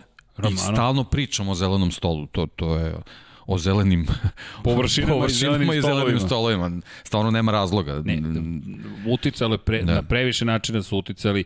Imali smo i Banjaju, imali smo i Vinjalesa, imali smo a Kostu smo imali, a da. Kostu izvaču do Fenati tu učestvo, zašto Jest, se ali što se tiče, sad kad si već spomenuo, što se tiče Bindera i, i ove Vinjalesa, to su onako dve najekstremnije stvari Jesu, koje... Vinjales koji šta, aktivirao je senzor. Upravo to, to, to su neke stvari gde, gde, gde nemamo identičan kriterijum. I Bjađi traži super pol poziciju. Šta je super pol pozicija? Prazna staza za svakog vozača, jedan brzi krug, to je, da početimo, VTCC ima, ima Tako, taj format. I Superbike. Da, i, I Superbike, super da, bravo, bravo, izvini. Superbike, da. Superbike da. ima super, Ako super pol poziciju. Ako dva točka, da, da, da. Bjađi, Oni su čak možda i prvi to i uveli, čini mi se. A Bjađi je vozio. Super. Da. Ja što sam video lepo da. Aprili, moram da ti priznam. Vidio sam slike, da, da, da, da, mislim da, da, da, 125 da. i hvala svima da, koji su mi tablica. Žuta tablica da, je kao da, 50, kao 50, stvarno proizvode 50, nisam obratio pažnju. Samo sam crtao da pre, čoveku prebrišem okay, registarski da. broj, ali da, trebalo je to da primetim. Ali lepa 50 i onaj broj 3 izgleda kao da ima 1500 kubika, a ne 50 kubika, ali šta ti je moć prosto yes. dizajne i baš lepo izgleda. Da, ali da, kad si ga spomenuo, znači čovjek koji učestvuje u superpolovima, verovatno zna kako to dobro, kako to dobro izgleda. Da, za one eto kažem da. koji ne znaju, imate jedan brzi krug, sami ste na stazi, to se imamo e-pol poziciju u Moto E klasi, to ono znači da se to polako ide u Moto E kategorije, ali super pol pozicija je predlog ti šef, neki, nekolicine šefova timova, išli su kod Carmela Espelete, šefa Dorne, dakle kompanije koja ima komercijalna prava, jedan od najmoćnijih ljudi, poslušajte njegov intervju na MotoGP.com, ozbiljan intervju, no, već dva sata trajamo, tako da moramo malo da ubrzamo i Moto E da odgovorimo na pitanja, ali činjenica je da smo imali sledeću situaciju, a to je da je predlog iznad, da, vrš, da lobiraju da se uvede 2022. kako bi se sprečilo to da na stazi bude takva gužva moto trojkama da svi na kraju budu oštećeni. Vozači, timovi, sponzori, sam sport i vidjet ćemo šta će se desiti, pratit ćemo, prostiti situaciju, ali činjenica je eto, da imamo jedan novi predlog u Moto3 kategoriji. Koga još tu treba istaći, možemo da istaknemo svakoga praktično, ono što je lepo vidjeti. Pa možemo, male su razlike, a Kosta je, je samo ovaj, iskočio, ovaj, što, što je to jednostavno više ni iznenađenje. Tako je, Đalme Ali Masija, generalno ostali, ostali su Đalme Masija, pritisak, pritisak ozbiljen, pobjeda, ozbiljen, 9 da. i 9 šta bi Đalme, šta se ovde događa? Događa se Pedro Acosta, direktno suprotni rezultati I mislim, Mislim da je to jedini motocikl koji gleda na stazi to mora da promeni pod hitno. ali podhitno. da. Tri poena samo je ispred Benderina Bindera. Pitanje, Koji je kažem, nula da, na jednoj Da nije trci. toga To- bilo veliko pitanje, ali pohvale... Najlošiji vozač KT Maja je trenutno Đaume Masija u obe kategorije. da, da, da, da, da. A, a njega smo stavili, na Stavili prvo kao mesto. favorita. Da, da. I nije loš u generalnom poredku, Da. ali poeni su malo problematični. Nikola Antonelli pohvale. Šesti, treći, šesti. U moto trojkama to je konstantnost. Konstantnost, tako je, bravo. I imaš Adrian Minjo, nije završio prvu trku, ali to je incident u kojem ni kriv ni dužan. Xavi Artigas ga je izbacio, ali četvrti pa treći, skeptičan. Ne, nisam skeptičan. Da. Rezervisan sam. Za sa Minjom, Minjo je da. znao tako da krene i onda vrtoglav pad. Tako da čekam još par Da, trka. i ja kao navijač moram spomenem mora neko, nekad da kreni njemu, John McPhee. okay, Jeste, okay, jeste da je trenutno se. poslednji u, u generalnom plasmanu, ali on je kalibar koji mora, mora da bude bar, bar u, u poredku u prvih deset što se tiče šampionata u ovom trenutku. I Tako važan da, period. O, Jako važan Oprosti period. za Denisa Da. Fođu. Jeste. Fođa koji je završio na drugoj poziciji, to je čovjek od koga očekujemo se bori za titulu. Da, jako loše krenuo, da, da, da, da. Ta A pričali smo Leopardu. On je u Kataru trebalo mnogo bolji da bude, to je bilo baš, baš onako poražavajuće, tako je. Ali ovo mislim da će biti prava trka i prilika upravo za taj duel velikih šefova timova. Miodrag Kotur, malo smo ipak, ne budimo realni, nastrojeni više ka Leopard Racingu iz te perspektive, ali ovo je Kate jeste, Majo, Petronas, Leopard. to su tri Ističu ekipe. se, da, da. To- I to je, to je šest vozača. Organizacijono tako se da, ističu, da, da, jednostavno kada da. pogledaš, ono što je posebno meni zabavno u toj cijeloj priči jeste i duel energijskih pića.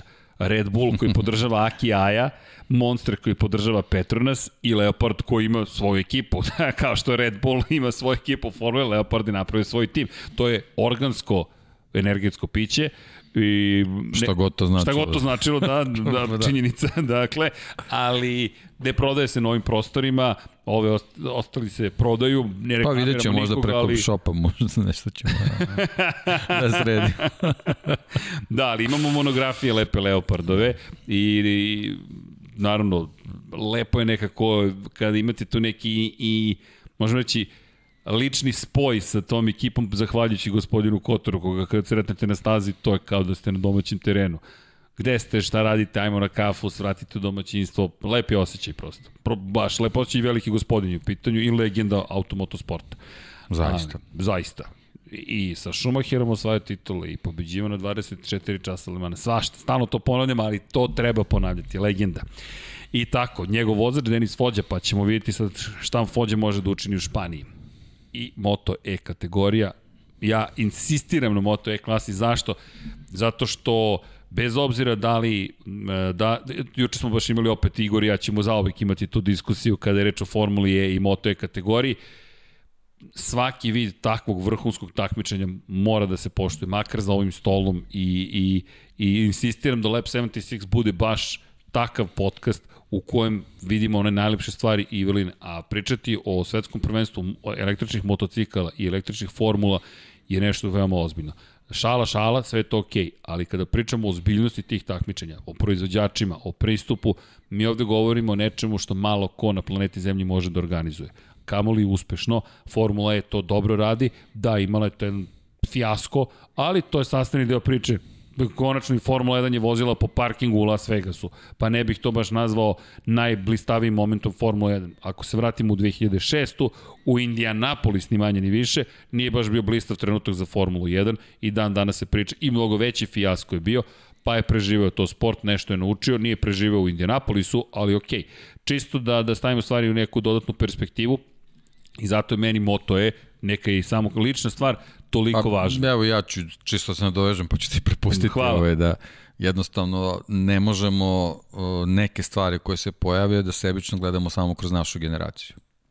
To je možda neka priča to za je ono neke buduće generacije govori, tako je. i možda će neko to da, da, da prihvati na drugi i efektni način ovaj, nego što smo mi. Ozbiljni timovi rade na, na razvoju svega toga i jednostavno mora, mora da se veruje u, u, u, u njihovu ideju, nameru, biznis plan i tako dalje tako dalje. Da li će to Pa vidi. u potpunosti da, da, da se primi, to jednostavno nije, Znaš- nije na nama, ali jednostavno treba poštovati ljude koji se takmiču u tom šampionatu. Tako je, to je ono što sam htio ti kažem. Za mene, svako ko sedne i trka se u najmanjem takmičenju na planeti Zemlji, ja skidam kapu. Apsolutno skidam kapu. Karting, ne znam, trke monocikala, trke čega god. Ti se Tomo trkaš. Skup. Ej, vidi. Nadi. Ej, Tomo Skup. Da, Pa daj, pa, pa čekaj, to je, to, za mene, to je suština. A to je prava, prava, pravca to suština. Tako je nekom palo na pamet da se trka ko zna kada i ko zna gde i neko je vremenu seo i rekao ajde da napravimo ovo da bude svetsko prvenstvo. Nije izgledalo kao što danas izgleda, to se zove iterativni pristup u savremenom project managementu, ali to je evolucija, to je priroda stvari. Ej, čekaj, imali smo ovakvu trku, aha, bezbednost vozača nije dovoljno dobra, ajmo da unapredimo ovo, aha, možemo da unapredimo gume, možemo da uradimo ovo, možemo da uradimo ono. Ovi ljudi su krenuli nešto, hrabro su krenuli, za njihove karijere to je pitanje kako će se završiti, možda je čor sokak, za neke nije. Zašto odeš u moto E? Teško je da se vratiš u motore sa unutrašnjim sagorevanjem, a to je i dalje vrhunac moto takmičenja na dva točka, ali zato poštovanje. Marija Herrera, Fermin Aldiger, Aspar ekipa Moto E i sva imena ću da pročitam. Imamo prvog Japanca, Hikari Okubo za Avant Ajo Moto ekip, ekipu. Andre Pires za Esponzoramu zajedno sa Xavier, Zavierom Cardelusom, Andrea Mantovani i Matteo Ferrari, šampion, nemojmo zaboraviti, za Gresini Moto E, Dominik Egerter, favorit za Intact Grand Prix, Kevin Zanoni, Miguel Pons za Lučiće Kinelo Racing E ekipu, Jordi Torres, Jasper i Vema. Ko se seća Jaspera i Veme? Je se sećaš Jaspera i Veme? Kad, Samo mi ime poznato. Kada, kada dođe trka u Holandiji, Jasper i Vema će se pojaviti negde. Pons Racing ekipa, Alessandro Zacone i Joni Hernandez, da, Joni Hernandez se vraća u Pramaku, Moto E ekipi, Matija Kasadej, jedini predsednik Sić 58 Skvadra Korse, Lukas Tulović i Korentin Perolari za Tech 3 E Racing. Pozdrav za Lukasa Tulovića, bio nam je gost 2019. u Valenciji, u kabini, čovek čiji je otac iz Bosne i Hercegovine poreklom, to je rođen u Bosni i Hercegovini, čovek koji do nekle govori naš jezik, ali to je onako, da, malo teže, i Erik Granado kao predstavnik Brazila, zaista veliki pozdrav. Jordi Torres je inače branilac titule i insistiram na tome da, da bukvalno, čekaj, da se nešto, ne, nešto se domunđavaju Dom Pablo i, do, i ne, nećemo završiti skoro. Možete da pravite buke koliko god hoćete. Tek stiže Q&A ili ti pitanje i odgovori.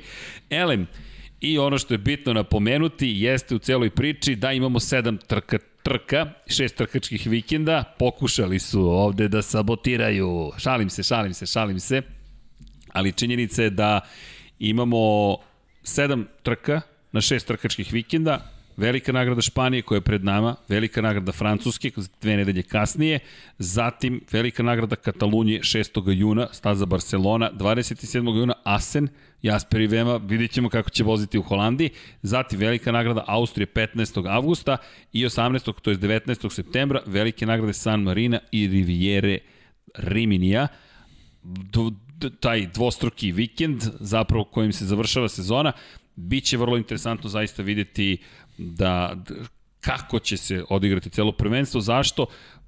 To su teški motocikli, razvoj nove tehnologije, zanimljiv je taj zvuk što kočenja, što guma i kada pogledate te trke i kada vidite koliko se trudi, koliko to zahteva zapravo veštine, onda poštovanje postane još veće. Ali eto, topla preporuka, bacite makar pogled drugačije, ali to su To su normalne stvari, nešto novo se pojavilo. Inače, Alex De se penzionisao, neće više voziti u Moto E kategoriji, to nije mala stvar, s obzirom na činjenicu da je čovek koji je decenije proveo u svetskom prvenstvu, a možda sam ja samo suviše mator i pamtim ga i kada je počinjao, kako god bilo je lepo pratiti njegov i razvojni put, prosto je to nešto što smo što smo da, baš dugo pratili. Inače, Mike Dimenju i Mark VDS Racing više nisu u šampionatu sveta, mislim da to takođe treba napomenuti. Dimenju inače u svetskom šampionatu izdržljivosti, tako da, eto neke najosnovnije priče i jedno čekam da upoznamo ekipu da vidimo ko će to biti najbolji, ali Dominik Egerter posle one probne trke deluje kao da bi mogao da izdominira šampionatom.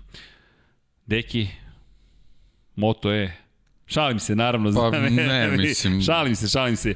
Ja sam jedina osoba Pratit ću, koja ali to prati. teško je. Pa ne, mogu da pratim, ovaj, nije, nije mi problem, naravno, ako, ako postoji mogućnost, uvek odgledam trku, ali da uđem u te detalje, da prognoziram bilo šta, toliko ne, ne, Dominik, ne. Dominik, ne. ne. Dominik, tu mislim da će biti vrlo opasan. Inače, Ego Corsa je u pitanju motocikl, tako da, ja da čekam dalje razvoje, jer... e, tre- Ne, mislim, Egert je naravno poznajemo čoveka sve ok, ali Marija Herrera, A, sve simpatije okej, su ka ima. njoj usmerene. Ok, Da.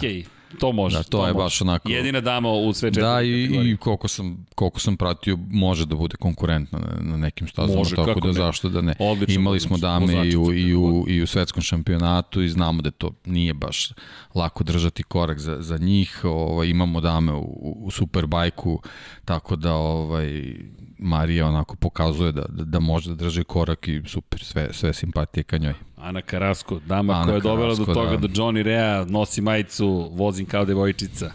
Puna podrška kako Tako je, operaciju je tako imala, kičme, svake joj čast i ja da čekam da vidim šta može da uradi i ona ove godine. Ali to je devojka koja je osvojila titulu, nemoj zaboraviti 2018. na Kawasakiju u SSP 300 kategoriji i devojka koja svaki godine takmičenja u prvenstvu sveta u 300 kubika imala po jednu pobedu.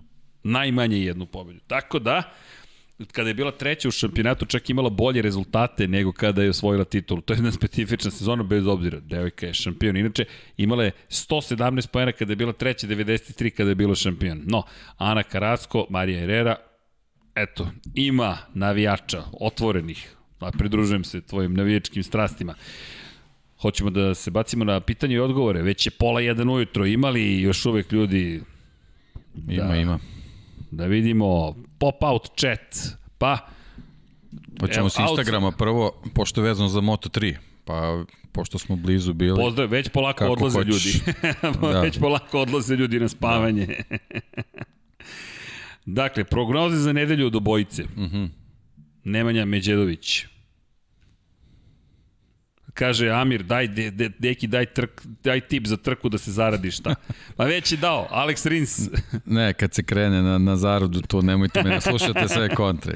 Rekao sam, Quartararo, onako, što se tiče svih tih rezultata koje, koje vuku na njegovu stranu, ali slash ovaj, Alex Rins. Alex Rins. To je onako nešto što bi ja voleo, ali nekako Quartararo mi je realnija priča. Pa Ali... Quartararo deluje kao Da, da, najozbiljniji da, da, kandidat da. za pobedu. Budimo realni. Budimo realni. Ja mislim da će Banjaja biti na pobedničkom postolju. To je, to je moj utisak. Mislim da će Banjaja ozbiljno odvesti trku.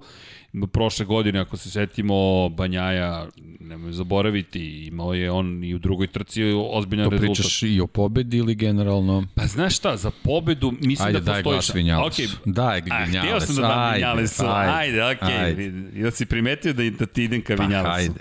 Ok, Vinjales, Vinjales, ali zapamti, Banjaja može da ih sve iznenadi. Banjaja prošle godine parkirao motocikl, to isto ne treba zaboraviti u drugoj trci. Dakle, eto, Vinjales sa moje Hoćemo strane. dvojke, trojke ili ćemo... Hoćemo, samo- pa ajmo i hoćemo. dvojke, trojke. Ajde, ajde kad smo tu. Dvojke, znaš šta ja mislim da će Raul da pobedi? Ja mislim da će Raul da, da opet, da, da će da baš, da, mislim da će ovoga puta čak da demonstrira silu. Jer me podsjeća u velikoj meri, to je ta, podsjeća me zaista na, na, na te šampionske momente i deluje mi kao čovek koji je toliko sada siguran u sebe, slično ako ostaje u Moto trojkama. A u Moto trojkama ćemo, šta ćemo? Evo samo ja za dvojke, ovo, Da, pošto sam izvini. tipao isto na, na Raula, ali pošto si ti rekao, ajde da promenim, pa da idemo malo na, na atraktivnost, ja ću reći Aron Kane. Opa, može, Bosko Skuro da dođe do pobede. Da, može, da, Bosko Skuro. Mislim da je ovo staza gde to možda toliki utice neće imati, tako da Kane. Okej, lepo. A trojke? Evo ti biraj prvi za trojke. Pa, Ok, ti si Akostića. Znaš. Izvan Gevara. ne, ja mislim da će, mislim da će Fođa E, mogu da ti pročitam jedno pitanje, ovaj, da, da Molim te. krenemo s njim, pošto je iz Molim te. Hrvatske smo dobili pitanje, pozdrav. Mislite li Dizan Guevara može do pobedi? Možemo li gledati Akosta protiv Guevara za titulu kako sezona odmiče, jer se čini iz trke u trku da se Guevara prilagođava? Eto, to je taman za tebe pitanje. A, mislim da se neće boriti za titulu, makar ne ove godine. Mislim da Kosta već je u, za, u ozbiljnu zaletu, ali Izan Guevara u Herzu bi mogao da se bori za pobedu. Mislim da će biti vrlo interesantno, ali to je staza koju veoma dobro poznaje. Tu su se i borili i tukli, uslovno rečeno. Jerez nije ništa novo, Jerez je takođe dom za Izdana Gevaru, tako da da, očekujem zaista, ali mislim da će biti Fođa, Gevara, Acosta ta bitka. Acosta čak možda može ponovo da im pobegne, ali mislim takođe da, da će i Acosta upoznati jednu drugu sada stranu medalje, a to je sada si ti vodeći, drugi te prate i gledaju kako da utiču na tvoju trku. Jer u prvoj trci kada je pobedio, to jest u drugoj njegovoj trci, niko nije očekivao od njega pobedu. Dakle, on se pojavio i ti ne razmišljaš nužno o tome, ovaj će momak da, da sada nestane u daljini, on će da pobedi. U drugoj, to jest trećoj trci po redu, već vidiš neke stvari, sada timovi će se spremati za njega. To ne znači da neće pobediti, ali samo da će biti malo drugačije. Inače, da odgovorimo, evo, tako da ne očekujem baš borbu za titul, ali Guevara naredne godine misle će biti kandidat. Inače, da, evo Dejan Barbarez pita, Denis Onđo je na Instagramu pisao da Trki u Herezu očekuje pobedu, da li misliš da će moći tako nešto da se desi? Male su šanse. Mislim da može da se bori za visok plasman, ali ne vidim da je Denis dovoljno dovoljno staložen prosto da, da, da e, godine već, nije on star, naprotiv, on je veoma mlad vozač, ali godine iskustva čine svoje, dolaze već nove generacije. Gianni Deniz sada deluju kao starija generacija, iako po godinama to nisu. Tako da Deniz, mislim da, da do sada nije baš često potkrepio svoje te ozbiljne izjave rezultatima. Iako volim i jednog i drugog brata, nekog prosto sam hajde, viđali smo ih i na ovim prostorima, to, to su klinci koji su se borili po kupovima koje, koje, koji su na lokalnom nivou poznati i, i nekako kao da su sa ovih prostora prosto, tako mi djeluje, ali mislim da se to neće desiti. E, Ognjen, gurnuo sa 100 dinara na početku podcasta da imate da ih podelite jedan po jedan kao sinoć što ste se dogovorili. Samim tim meni 99, Dekiju 1 i završili smo ceo proces vrlo jednostavno. Marko Beceki biće najbolji u Herezu, kaže Zlatko. Možda, Neka ne bude, super. Može, da, da. Samo znači zanimljivija sezona. E sad pitanje, da Srđanu ponudi Aramco 100 miliona za franšizu Infinity, da li bi pristali da se zove Aramco Lighthouse? Samo ako od toga 99% idu humanitarne svrhe. Opa, evo ga, Deki je odgovor. Rešili smo. Pa, pa... A sa onih 1% nekako bi se snašli. Ali ne može Aramco Lighthouse. Infinity Lighthouse može da ostane. Može Infinity Lighthouse powered by Aramco. Ali Infinity Lighthouse ostaje Infinity Lighthouse. Čujte, e, dođete u jednom momentu do toga da, da, super to zvuči sav taj novac, ali to ja toliko sam ga već potrošio, izgubio i dugovao i vraćao dugove. Prošlo vreme, da ste me pitali pre 15 godina, pre, jo, odmah sad, ovako, sad, e, već neke druge stvari postanu vam važne. Ali, slobodno možete da donirate, da nas podržite na Patreonu, možete da budete ukoliko vam se dopada ovo što, što radimo, lajkujte, evo Dom Pablo mi pokazuje, lajkujte, ali šalu na stranu, da, vaša podrška nam znači u svakom smislu te reči. Kupite majice. I možda zvuči kao profano, ali nije, prosto ovo je ono što mi volimo da radimo i uz podršku što sponzora, što vas, nastavit ćemo da radimo dosta dugo. Tako da, a lepo se zabavljamo. Derin najbolji u Moto3, eto to su Zlatkove prognoze. Markiz do pobede u Heresu, Adiša TV.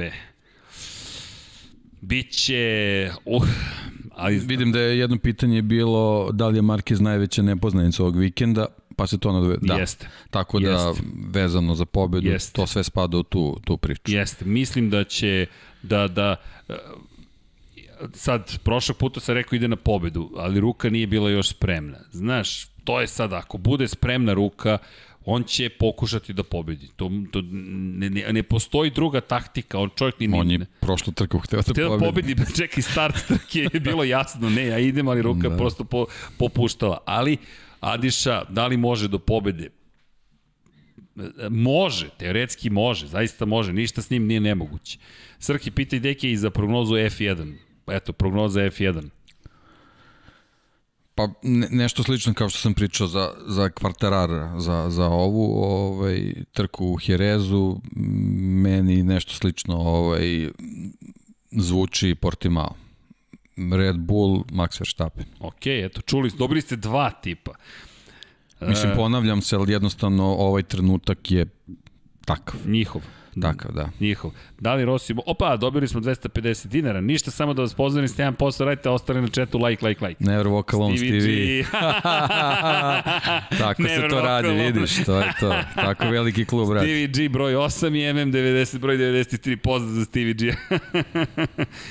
Ne, vidi, ta zastava će... E da, hvala Vladi, Vladi našem drugaru koji nam je poklonio zastavu i obogatio studio. Inače, sve, neko je pitao da li smo navijači Liverpoola. On jeste navijač, ja, futbolski klub. Najbliže što bih mogao da pričam o futbolskom klubu je gde god da je igrao ovde dobacuju. pa ne, najbliže što bih mogao je Gabriel Batistuta, gde je igrao Bati gol, to je respekt. To sam već pričao, kako sam maltretirao ljude u Rimu kad su me kritikovali zbog Fiorentine. Ali dobro. Binder, Pole Espargaro, Oliveira, Dejan Andrić uh, ili ti KTM, bivši KTM i sadašnji KTM.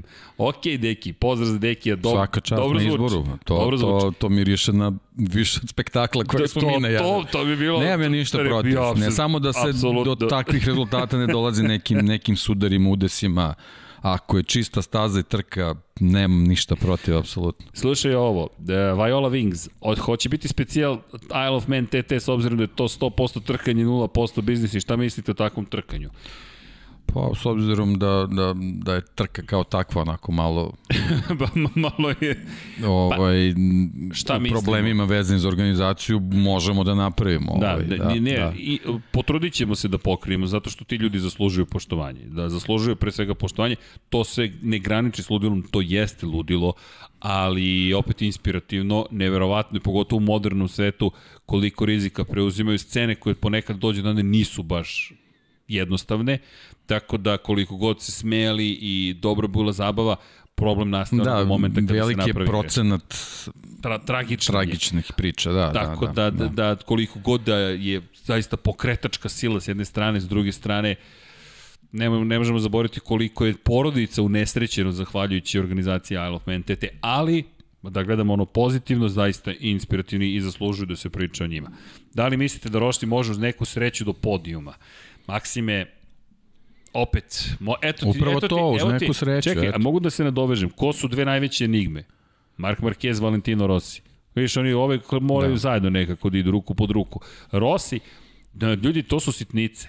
Dakle, mi govorimo o detaljima. Mo, možda, govorimo o desetinki po krugu, je, bukvalno. Možda je nenadoknadiv detalj, ali opet pričamo o jednom od velikana ovoga sporta. Ukoliko nađe taj, reši taj problem sa zadnjom gumom koji ga muči od kada je Michelin stigao ponovo u Moto Grand Prix, nije nemoguće. Prošle godine od dva odustajanja su dovela do toga da bude na poziciji broj 3, bio je peti. Hajde ovako, ukoliko može da dođe do te pozicije da bude peti, to će već biti veliki iskorak, veliki uspeh, a onda ukoliko ga se... Ali Da li može? Pa opet, MotoGP je lepo i zbog toga. Nije nemoguće, ali nisu velike šanse. Evo prognoze. Fabio Vinales, Mir Rins. Mir Krozić. Marina pita kada će broj 91, najverovatnije sledeće nedelje, ali tu zaista hoćemo da pripremimo jedan lep specijal o, o Mihajlu Šumacheru, već smo rekli, Deki, De, Deki je de facto domaćin, De, Deki je napisao knjigu o čoveku i njegovo i poimanje, razumevanje te legende je nešto posebno, tako da se nadam da ćemo uživati. I nije se za crveno što on govori jasno o tome koliko znao Mihajlo Šumacher.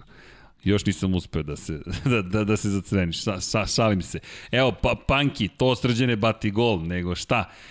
Dakle, e, Srki pita deki, e da, čekaj, ajde, ako možeš kratko, za sprint trke F1. Pa rekao sam ono kad smo imali prošli podcast, čini da. je bilo tako. Ovaj, ne, ne, ne sviđa mi se, ne sviđa mi se kvantitet koji se pojavljuje na taj način, uh, ovu sezonu naravno možda ne možemo računam to eksperimentalno, znači uopšte ne mora da znači da ćemo kao što smo imali eksperiment, sećaš se sa yes. duplim bodovima na, na, na poslednju trci. Yes. Probali su, ne znači ništa, odustali su, tako da možda i od ovog mogu da odustanu, jednostavno meni se ne sviđa a, priča u toj konotaciji zato što imamo masu trka gde, gde svi kukaju na, na rast troškova, a onda dovodiš a, ekipe i vozače u situaciju da, da imaš još jednu trku gde, gde mogu da se dese i ako već pričamo o, o konkretnim stvarima, detaljima, neki karamboli koji će mnogo da košta ekipu, rizikuješ na, na, nastup na glavnoj trci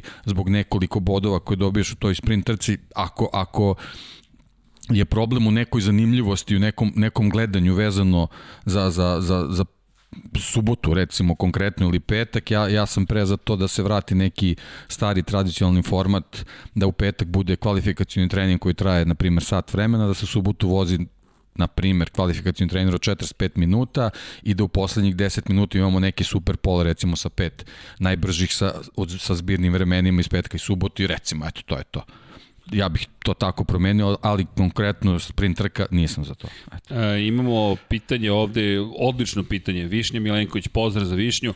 Pozdrav, da li Formula 1 smeta to što se pre dve nedelje u Portimao vozila MotoGP trka zbog uništavanja asfalta zonama kočenja? Da li je to inače problem na stazama gde se voze obe kategorije? Višnja, obrnuto. MotoGP ne može ni da se oseti kada je reč o Formuli 1.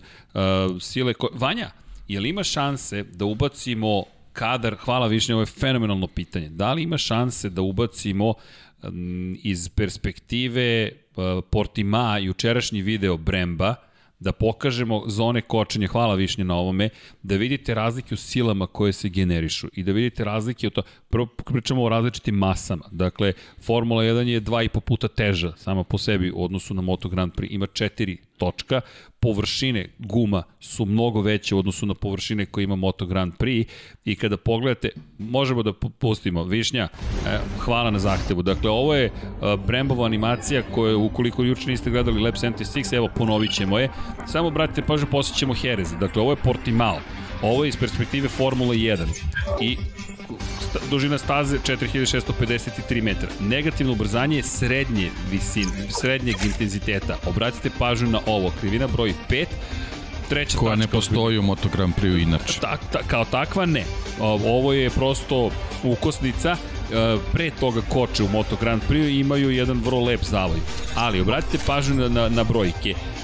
122 metra je zaustavni put, ali 135 kg opterećenje na pedalu kočnice, negativno ubrzanje 5,1 sila zemljine teže. Gubitak brzine 234 km na čas, ali obratite pažnju na, na silu. 2468 kW, negativno ubrzanje 5,1 sila zemljine teže. Ako sada pustimo video koji smo gledali za Jerez, hvala Vanja, Ako bacite pogled na ono što smo pričali o Herezu, čisto poređenje radi, vidjet ćete zašto Moto Grand Prix ne može da utiče previše na, na Formulu 1. S druge strane, ovo što radi Formula 1 kada dođe na stazu, svlači asfalt, bukvalno, bukvalno. svlači asfalt. Vi dobijete, dobijete pitu jednu, ali hajde da bacimo pogled na ovo ponovo, slična muzika kao što možete da vidite. I hvala za pitanje. Dakle, ovde se smatra da je opterećenje visokog intenziteta. Mi čak imao 32 odmah. Da, ovde bi bolje bilo možda šesta krivina, da je primer, ali, sličnija bi bila ovaj, ali nema ali veze. Opet, da, da, možemo da. da vidimo sile koje su u pitanju. Dakle, vozač Moto Grand Prix-a, kada pritisne kočnicu, da, koči se i motorom, ali pre svega prednja kočnica. Negativno ubrzanje 1,5 sila zemljine teže. 5,6 kg je opterećenje, tamo je 146 kg, a gubitak brzine 202 km na čas.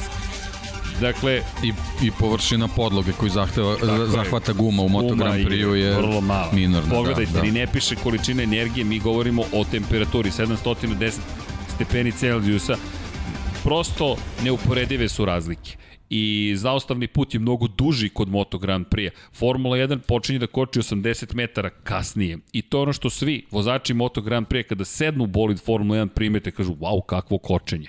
Iako Moto Grand Prix motocikl impresivan za motocikl, kod kočenja to jednostavno je drugačije kod Formula 1. Jeste, i ono, bukvalno staze posle Formula 1 zahtevaju reparaciju asfalta. Reparaciju asfalta. To je, to je, inače, generalno u svetu se trke automobila i motocikala ne organizuju isto vreme. Ja sam imao prilike, ja sad ne mogu da se setim, mislim da je 2003. godina bila u, u pitanju i naš drugar Kule Perišić organizovao trku u Kraljevu gde su jednom danu vožene trke automobila, znači pričamo o automobilima tipa Jugo, ST kategorije i tako dalje i motocikala gde su se prvo vozili automobili, posle su vozili motocikli i jednostavno zaključak svih je bio nikad više to nećemo raditi zato što jednostavno na taj način motocikli posle automobila imaju veliki, veliki problem. Baš ozbiljne probleme. Tako ozbiljne je. probleme, gde, gde, znači, gde, gde je bukvalno bio, problem bio vezan za grip. Dobijemo Ali, je, tako ovako je. jednu površinu i kada najđete, to mi je, uh, hvala Višnje, baš je dobro pitanje. Da, da. Uh, na Koti, na, na Circuit of the Americas, kada posle Formula 1 se, a nije se radilo preslačenje novim asfaltom, vratio Moto Grand Prix,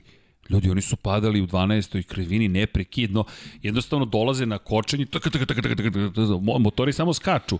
Ne možeš, jednostavno došao si na talase od asfalta i samim tim, ovo što je Deki rekao, izbegava se da se u kratkom vremenskom periodu nalaze tu, ali nemoguće izbeći neke staze prosto koriste jedni drugi. Zato je prošle godine bio veliki strah kada je Formula 1 stigla u Mugello. Šta će ostati od Muđela? Sreću staza je Mm, mislim da, dobro mislim da se staza, a će se asfalt menjati Tako je, Mugello, tako je. se, da, da, da. Jednostavno, do, do, ona je, ali pazi, ona je dovoljno dobro urađena da nije bilo većih problema. Bez obzira na to, ti moraš opet da se njome baviš. Jednostavno, to je Ferrarijeva inače staza, tako da je malo drugačiji, drugačija situacija, ali prosto govorimo o stazi koja inače se koristi za testiranje Formule 1, ređe, ali ponekad možete vidjeti tamo bolide, no kada se pojavi 20 vozača koji u punoj brzini voze i odvezu celu trku, promeni se sve. Idemo dalje. Da li mislite da Rossi čeka, hvala Višnje još jednom, da se opro, da, da, publiku pa da se oprosti od vožnje, Dženki? Ja mislim da da. Iskreno, e, da, deseta titula je dosta daleko. Teoretske šanse da su male. Postoje uvek, ali su male. Ono što ostaje jeste oprošte od onoga što je bilo najvažniji, najveći pokretač, a to jeste bila publika. I rekli smo već, taj hollywoodski moment nekako svi čekamo sa zadrškom, čak i Petronas rekao da kada je angažovao Rosija, da takva legenda zaslužuje bolji ispraćaj nego prazne tribine.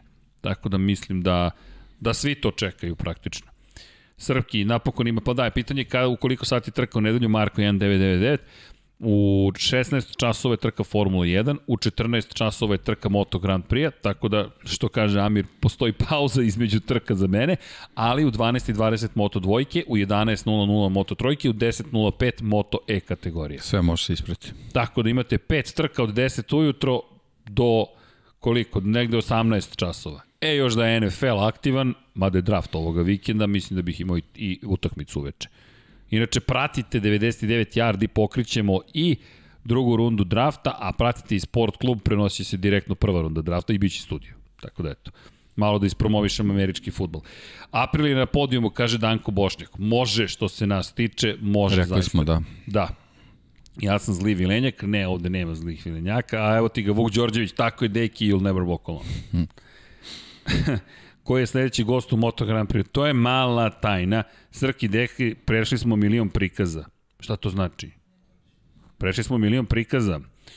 Da li smo mi to prešli? Čekajte, je li kanal prešao milion prikaza ukupno? Pretpostavljam da je to poruka. Milion šest hiljada sto deset pregleda. A, hvala za ovu informaciju. Nisam, nisam imao predstavu, ali ha, ha, fenomenalno, hvala. Pa hvala svima još jednom. Wow, ovo, ovo nisam znao, ali hvala. U svakom slučaju da. Idemo dalje. O, ovo sad mora da se proslavi. Milion prikaza. Hvala Ognjene na, na ovoj opasci. Na Diđa prvi u Herezu. Ok, vidjet ćemo da li će se to desiti. Edo, Edo, kako komentarišete da MM93 pre ozlede brutalno vozi Honda dok se ostane to motoru ne snalazi baš najbolje? Da li bi na nekom drugom toru pronajpe ciljeno na, na Suzuki takođe snašao?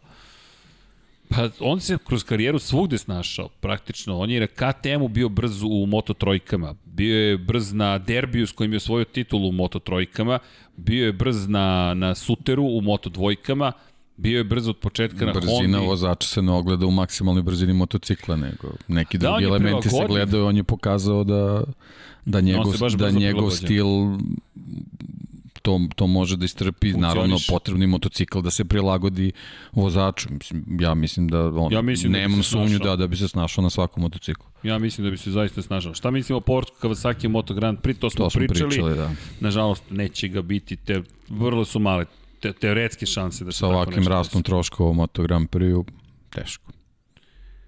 E, šta imamo ovde? Pitanje šta se dešava sa Spider Martinom, nadamo se da, ćete, da ćemo ga imati u emisiji. Nismo još stigli Martina da kontaktiramo, da znate, ali mi se nadamo iskreno da ćemo uspeti, ne uspeti, da ćemo se prosto dogovoriti i da ćemo se ispričati sa njim da vidimo i gde i šta je, kako ide karijera, koji su planovi. Prosto to je čovek koji se vrlo ozbiljno takmiči i koji je jedini svojih prostora vozio u Red Bullom kupu Novajlija. To je ozbiljan poduhvat.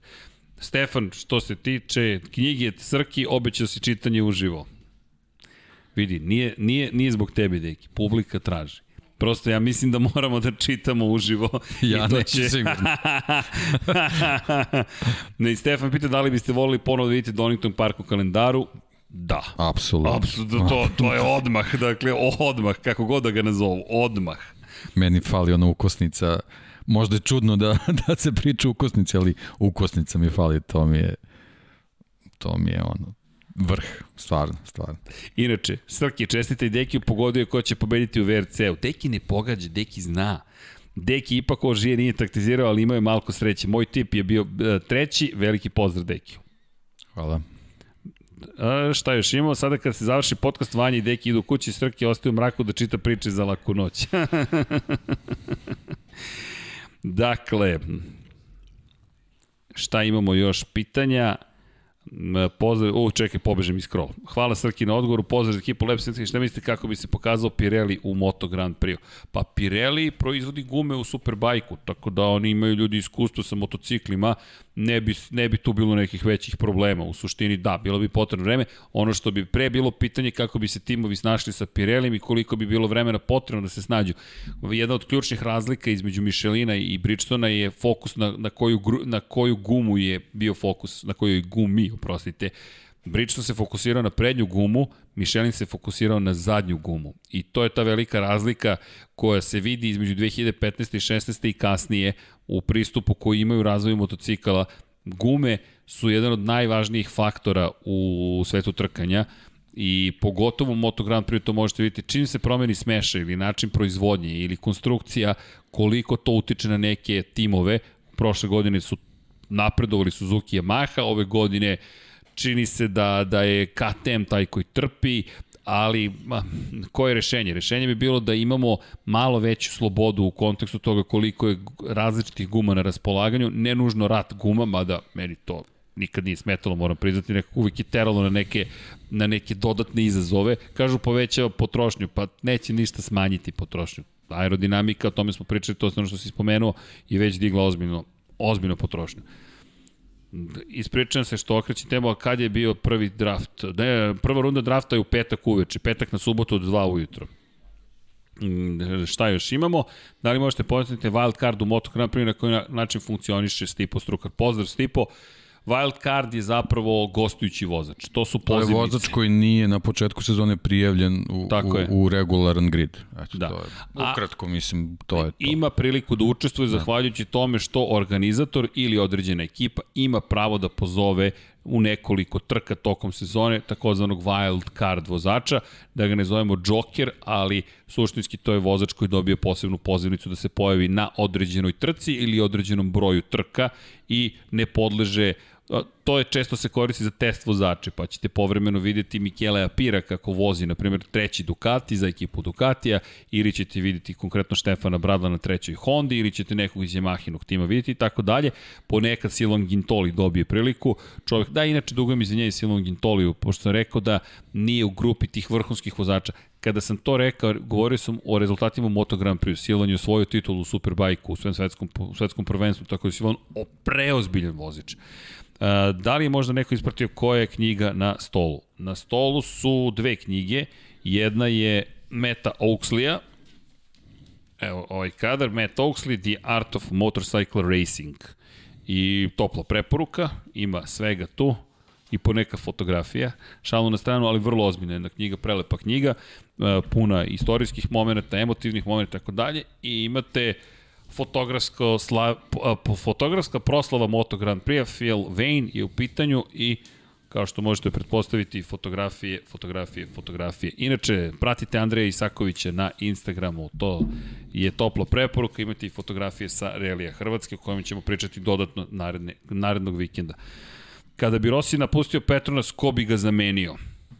Pa tu se sad otvara nekoliko, o tome smo pričali, Jake Dixon je delovao kao taj, ali mislim da će Petronas tražiti neko rešenje sa strane i nisam siguran koga bi Ne, sad je, sad je i velika, veliki, veliki bitan detalj je ovaj, budućnost Petronasa u svetlu angažmana VR46 ekipe u Moto Grand Prix-u.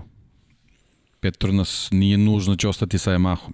Ba, tako je. Tako da to su neke stvari koje mogu da... Ovaj... Pazi igranku koja se otvorila. Tako je, tako Kresini je. tim s kim će sarađivati, s kim će VR46 sarađivati, s kim će Petronas sarađivati. Petronas, na primer, ima potencijala da angažuje dva Suzuki fabrička.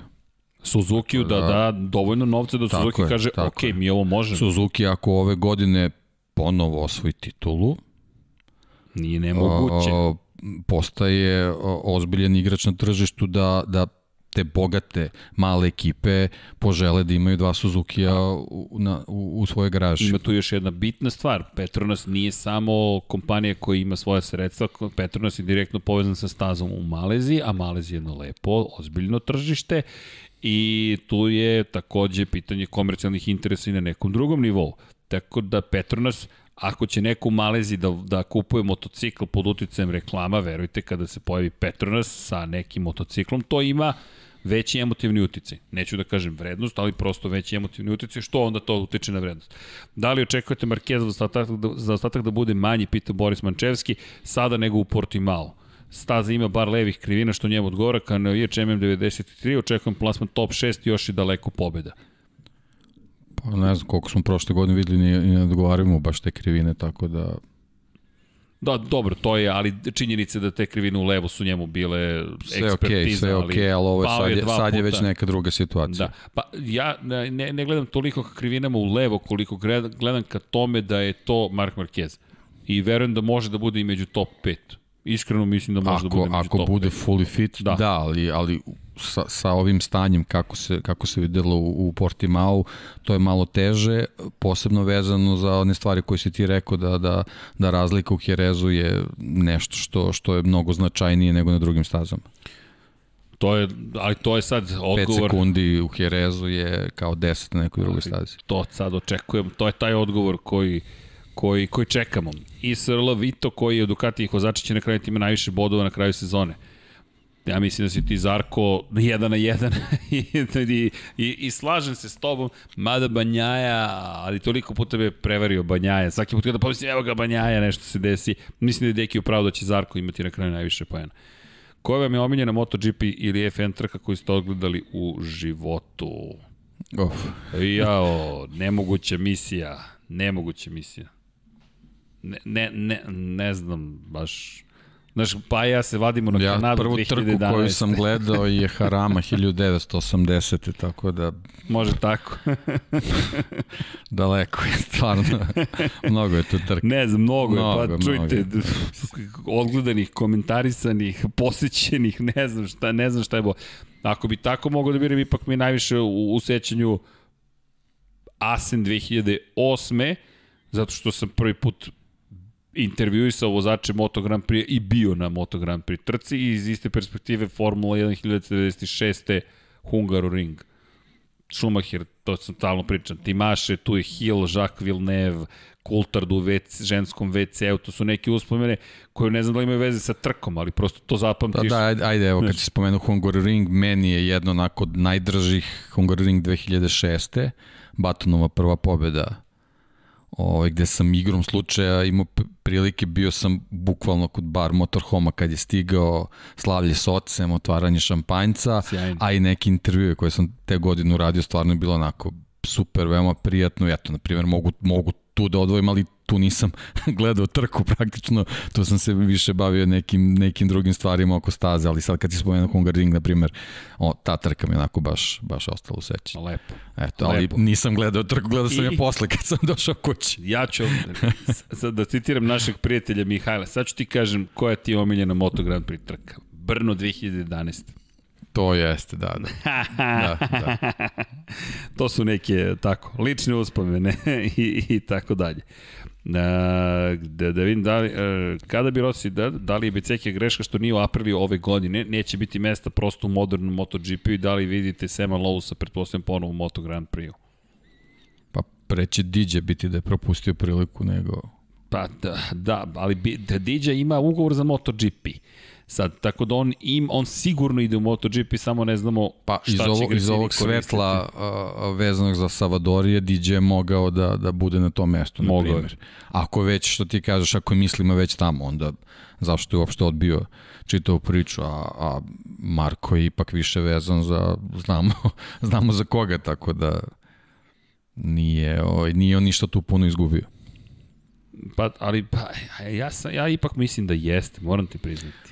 Ja imam utisak da je Beceki, znaš zašto, ne toliko da mu se neće otvoriti neka vrata, ali po ovome što smo videli Marka Beceki, kao da je to iskra koja mu je bila potrebna. Pa, to je moj utisak. Da, ali nekako iskreno i kad pogledaš njegovu prošlu sezonu, nije to baš bilo toliko briljantno i ubedljivo. Bilo je grešaka, ozbiljnih. Ali okej. Okay. Da, nekako nije bilo ni mnogo mesta ove godine u Moto Grand Prix za njega, a nije baš ni uverio da mu je pazi, mesto ali, tamo. Ali on je dobio, bio u jednom momentu... Jeste, sve je sve tačno, ali mm. upravo to što kažeš u jednom momentu. Da. A posle toga više ta priča nije, nije pa, bila aktualna. Zato je pitanje da li je greška što nije... Jasno, pa mislim da nije on bio taj koji, koji sve odlučuje. A to si lepo rekao. A to si lepo rekao, da. Da, da, mislite li da će se graditi karijera Joe Robertsa jer nedostaje Amerikanaca u Moto Grand Prix? Apsolutno. Dorna podržava Joe Robertsa od kada niko nije znao ko je on. Sećam se kulorskih priča gde su pričali o talentovanom klincu kome treba podrška. Dorna, Talentovani verujte... klinac zvučnog prezimena. Da, tako je. to je to je recept ovaj, vezan za Ameriku. Tako da... Vidi, pa, dobio je veliku podršku i, i, i uz dolazak na Bobije, American Racing Team postaje pa, polako pa, rasadnik. To je neki dokaz da, da, to da su shvatili da treba i tu da se vrate. Tako je, tako je, tako je. Hoće li Dovi voziti Apriliju ove godine? Hm. Ja se iskreno nadam, ali mislim da to zavisi od drugog testa dosta. Da, znaćemo da, znaćemo posle A, testa. Sama želja da, da vozi još jedan test govori da možda možemo da razmišljamo u tom smeru, ali mislim da od tog testa mnogo zavisi. Ovaj, ovaj test je bio praktično upoznavanje sa motociklom, da, da, da se vide ovaj, mogućnosti, ja se nadam da je, da je Dovi tu video neke pozitivne stvari, samim tim zakazivanje drugog testa govori da, da želi još nešto da vidi.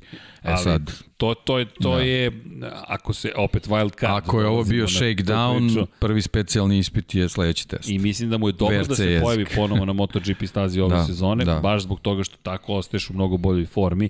Ostaje Imaće i... više treninga od Marka Marquez. Pa, Mar, pa upravo tako, Mark Marquez pa, da. je, a, rekao, na primjer, da je u početku, u prvim treninzima kočio prateći gde drugi koče, ne zato što je instinktivno očekivao gde treba da koči. Tek kasnije ponovo počelo telo i mozak da, da uslovne refleksi Izvini, stvara. jedan detalj, setio sam se vezano za prvi test, to smo i zaboravili, on imao malu povredu vezanu za, za motocross njegov, za njegove treninge, tako da možda je zato i poželao da ima još jedan te test gde će biti potpuno spreman da vidi šta sve može na stazi koju dobro pozna i tako dalje tako dalje. Ja ja dosta stvarno očekujemo tog testa i možda ga vidimo u nekoj završnici ja sezone. Ja mislim u, u Mizanu. Da. Iskreno mislim da. u Mizanu. Italija je staza koju će, na kojoj će sigurno testirati. All Stars Day je bio tamo. Ducatijeva staza je više muđelo, ipak je nekako više, iako Noale se nalazi gore fabrika Aprilia ka, ka Veneciji. Mizano, uz obalu se spustiš Jadrana i tu si. S druge strane, Borgo Panigale, Bolonja, relativno je ista razdaljina, ali ti imaš Ducati tribinu u Muđelu. Nekako je to više mi deluje kao Muđelu. I moje mišljenje ako misli da se sledeće godine vrati, ako zaista misli da sledeće godine da se vrati u, u kompletan režim u, u čitavom šampionatu, mislim da, da mora ove godine da vozi jednu trku. E, slažem se. To I zbog sponzora, i refleksa, zbog svega, milion drugih stvari. Osjećaj koji imaš milion drugih stvari. Da, posebno ako ti se otvara prilika da to uradiš, ako te žele, mislim, to je neću reći moraš. Ne, ne, to je Andrea Dovicioza, tako, tako da ništa on ne mora. Ali ja ali, mislim da bi razumno bilo da, da se nađe na nekoj trci ove godine. Volim tvoje I eufemizme. zbog njih, i zbog nas, i zbog sebe. I Sve jasno kao da... Molim te, vozi jednu trku. Molim te, Čisto vozi. da vidimo. Molim te, Andreja. Pa da, bon, eto. Da li imate u planu Martina Kodrića da pozovete, mislim da bi bio mnogo zanimljiv gosta i dobili s vozačima F sa F1 scene, tako da bi bilo zanimljivih priča. Ognjene, to jest Ognjene, da, Kad bude to smo već rekli. stolica, To, to, to. kad bude mogućnosti da, da stavimo gostu u stolicu, A vrlo to rado. je i za Jure Šebelj, kažu dajte, nemojte Zoom, neka dođe. Zvaćemo ga da dođe, pa ako može, to je to. Dino kaže spavajte ljudi, nećemo. Šalimo se, ne umemo. Ne umemo da sam, nisam baš upoznat s MotoGP, kako stoje naši u MotoGP klasi, imali neko, sad će da, da, da uopšte upadne Super unutra. stoje. Da, nisu ni, ni, ni, ni blizu. Inače, Strale, Marko Beceki u Petronas Rosijeva akademija. To se sad menja. Time što je formirao svoj tim Valentino Rossi sa Aramkom, sve se menja, odnos se suštinski menja, jer koliko god Valentino Rossi govorio da on nema veze sa VR46 akademijom i da postoji neko koji je izvršni direktor toga ko to vodi i gde govori kako on ništa s tim nije imao. Ljudi, e, tim se zove VR46. Ko, šta god te Baldi izjavio, to je i dalje direktna veza sa... Evo, ono što je moje pitanje, koliko vas zanima VR46 ekipa ako to nije Valentino Rossi ekipa? Ako se zove RV64? Bukvalno, koga to zanima? Vrlo mali broj ljudi. RW Racing zanima mene, otprilike i Holandjane. Zato što je je to NTS-ova šasija i zato što volim te male timove i ekipe koje su porodične i dalje i svaka čast celoj ekipi i A ne RW pričamo ni o Racing. njima, nego pričamo o nekome ko Tako je. treba multimilionski dola, uh, ugovor da, da potpiše. Jeste. I sad tim se zove uh, naftna kompanija iz Saudijske Arabije VR46, a on vozi za naftnu kompaniju iz Malezije kao Valentino Rossi sa brojem 46. Ja mislim da je on raskinuo ugovor sa Petronasom onoga momenta kada je potpisao sa Ramkom. Ovako ili onako? Prosto to je to je ja To je ne- neka vrsta sukoba interesa i kraj Kako priče. ćeš? Pa evo pričamo o energetskim pićima. Potpisao si ti si Monster, a onda da VR46 ekipu spozoriše Red Bull. Ali ti, ali ti ćeš nastaviti da voziš za, ne, za, za Pa ekipu eto, imali smo Monster, primjer Jorge Lorenza. koji je menjao. Odlaskom iz, iz Yamahe, čime se na Hondu, kad si ga se promenila, kraj Da se priče. promenilo, tako je. Ti nemo, nemo, To su, to su stvari koje su ustrojene i to se tačno Tako je. zna i ne, nema tu o, kalkulisanje nekih igranki znači ili si jedno ili si Tako je. drugo. A Ne, to nema. automatski zatvara dosta vrata i s druge strane momcima koji dolaze iz VR46 Pri tom akademije. akademija nije zbog toga ni napravljena, ona je napravljena da bi pomogla italijanskim vozačima da se na neki način suprostave I da se organizaciji u Španiji, koja Tako je je. na, na, Na višem nivou. ozbiljnom nivou. Na višem nivou Da odnosno nema, da nema Rosijeve akademije, polovina italijanskih vozača koji su tu možda ne bi ni bila u, u svetskom šampionatu. Ne možda, sigurno Pojeli bi ne bi. Španci. Bukvalno, ali Španija je na nivou federacije stala iza celog projekta. Svi šampioni španski su stali iza toga. U Italiji to nije slučaj. Valentino Rossi sam izmislio nešto i napravio. I tu je kraj priče. Ne postoji Biaggi, Capirossi, Rossi uh, inicijativa da se pomogne italijanskim vozačima. Svako ima svoju ekipu. Capirossi je čak sad predstavnik Dorne. Tako da ja ne vidim da će iko više iz Rosijeve akademije tako laći, lako ići u Petronas. Petronas će, ako bilo šta drugo, preći gurati nekog vozača za kojeg ima interes na nekom globalnom nivou ili će gurati neku veliku opet zvezdu koja će privući pažnju ka samom Petronasu. Tako da pre gledamo ka nekome ko bi mogao da bude zvučno ime ili neki Ili klinac nekog novog Malezica. ili tako Oni je. nemaju problem s tim Oni uopšte. ne, nemaju Kao, kao i Japanci isto. ili neki novi kvartararo. I, da, ba, Neko ko ti ne pada na pamet u ovom trenutku, a onda odjednom se pojavi u Moto Grand Prix, je. ti se kladiš Tako na je. njega. Prosto to. Vidjet ćemo ko, ko bi to mogao da bude. Evo, Joe Roberts. Joe Roberts. Ne, ne kažem da je to rešenje, ali zašto ga ne bi angažao? E, zašto kad prenosite trke deluje kao da vodite ovaj podcast? F1 konkretno. Šta, sad ne razumem pitanje. A, o, Gret. Zašto kada prenosite trke deluje kao da vodite ovaj podcast? možda zbog boja glasa, pa deluje da, da je Srđan Erceg vodi, vodi Sad, sad sam zbunjen, iskreno, 1. pa ne, ne, ne, ne razumem pitanje, ali eto, ako možete samo da, da, da, da, da objasnite. Uh, Lab 76 Ducati versus VR46 za 10 godina u borbi za titulu. Amire, može. Šta mislite o Morbidelli u VR46 ekipi? Pa, ha, bojim se da Morbidelli to nije dobar potez. Morbidelli je već u privatnoj ekipi, Morbidelli je da ostane u još jednom satelitskom timu na ovaj ili onaj način, ok, korak u napred bi bio ukoliko mu obezbede fabričku podršku, ali to je Tebaldi i pričao, da će potpis na to s kim će sarađivati biti u velikoj meri zasnovan na tome koliko podršku može VR46 tim da očekuje. Ukoliko dobiju ozbiljnu podršku kao što je Tech 3 dobio ozbiljnu podršku KTM-a, to će uticati na taj potpis, ali mislim da je za Frankija kritično da se nađe negde, možda je to VR46 ekipa, ako je to put do aprili, ali mislim da je kritično već sada previše godine u Moto Grand Prix. Ba, šta god daje, njegov cilj je fabrička specifikacija za 2022. koji god to motocikl bio. To je, to je napredak koji mu je neophodan. Sve drugo, mislim, jednostavno zaboravit će ga. Da, da, zaboravit će ga. I prosto nadam se da da, da, da će naći neko rešenje. Nema mnogo fabrika, a Vanja mi pokazuje da je jedan ujutro. To znači da trajimo 3 sata. Evo pitanje, no, ok. e, dobro. E, pitanje za, za Paola Simončelija, da je ozbiljno kažnjen. E, pretpostavljeno mislite na kaznu od 1000 evra, ali ne, ne znam da li se na tu konkretno kaznu, šta mislim o tome? Pa, šta mislim? Mislim da, da je to mislim da se opet otvara nepotreban sukob šefovi timova kada su u tako velikom broju nezadovoljni onim što radi direkcija trke. Možda bi trebalo da ih saslušaju. Paolo Simoncelli nije bilo ko, Max Bjađi nije bilo ko, a Razlan Razali nije bilo ko, Johan Stigefeld nije bilo ko.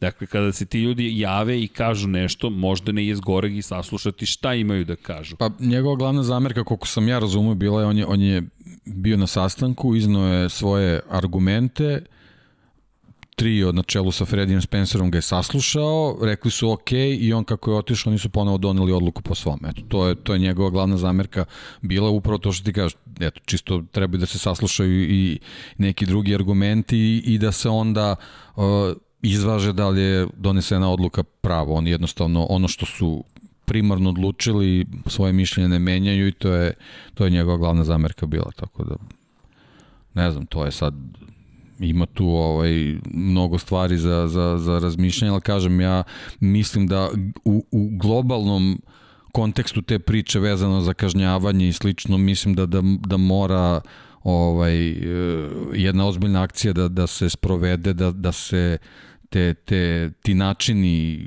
monitoringa, kažnjavanja i tako dalje, jednostavno dovedu na, ne, na neki nivo da, da, da to stvarno bude ujednačenije, da, da, da te kazne ne kvare trke sve, sve što, što ne, ne, ne, ne potpada po pravila, pod, pod pravila uh, ovaj, podložno je kaznama, ali jednostavno to mora da se dovede na neki način, da to bude pravednije i ujednačenije. Pa, ono što Samo to, mislim. Ono što je više. Paolo zamerio jeste da, da, šta, šta su mu zamerili redari. To što zajedno sa nekim drugim šefovima timova čeka poslednji trenutak da svi izađu na stazu. Da, da. I da to ugrožava bezbednost. Rekao, čekajte ljudi, ali ti isti momci u tom istom broju se nalaze zajedno na početku trke gde je veća opasnost ako su zajedno i tokom kvalifikacije. Ali znaš šta je tu problem? Problem je što to, to je procena da, da su oni to nigde ne postoji, ne postoji pravilo, pravilo da to, da, da to ti tako, ne možeš da uradiš. Rekao, o, to, o tome se ne radi. Postoji, ti ga kažnjavaš i to, i, to, to isto iznaš. Zato što neko misli da to tako ne treba. Da, buko ne, to, to, je, to je tiranija, klasična. Tako je, tako je. Ja sam rešio te kaznim zašto? Ja se ne slažem s tim ti što radiš. A dobro, sam prekršio neki pravilnik.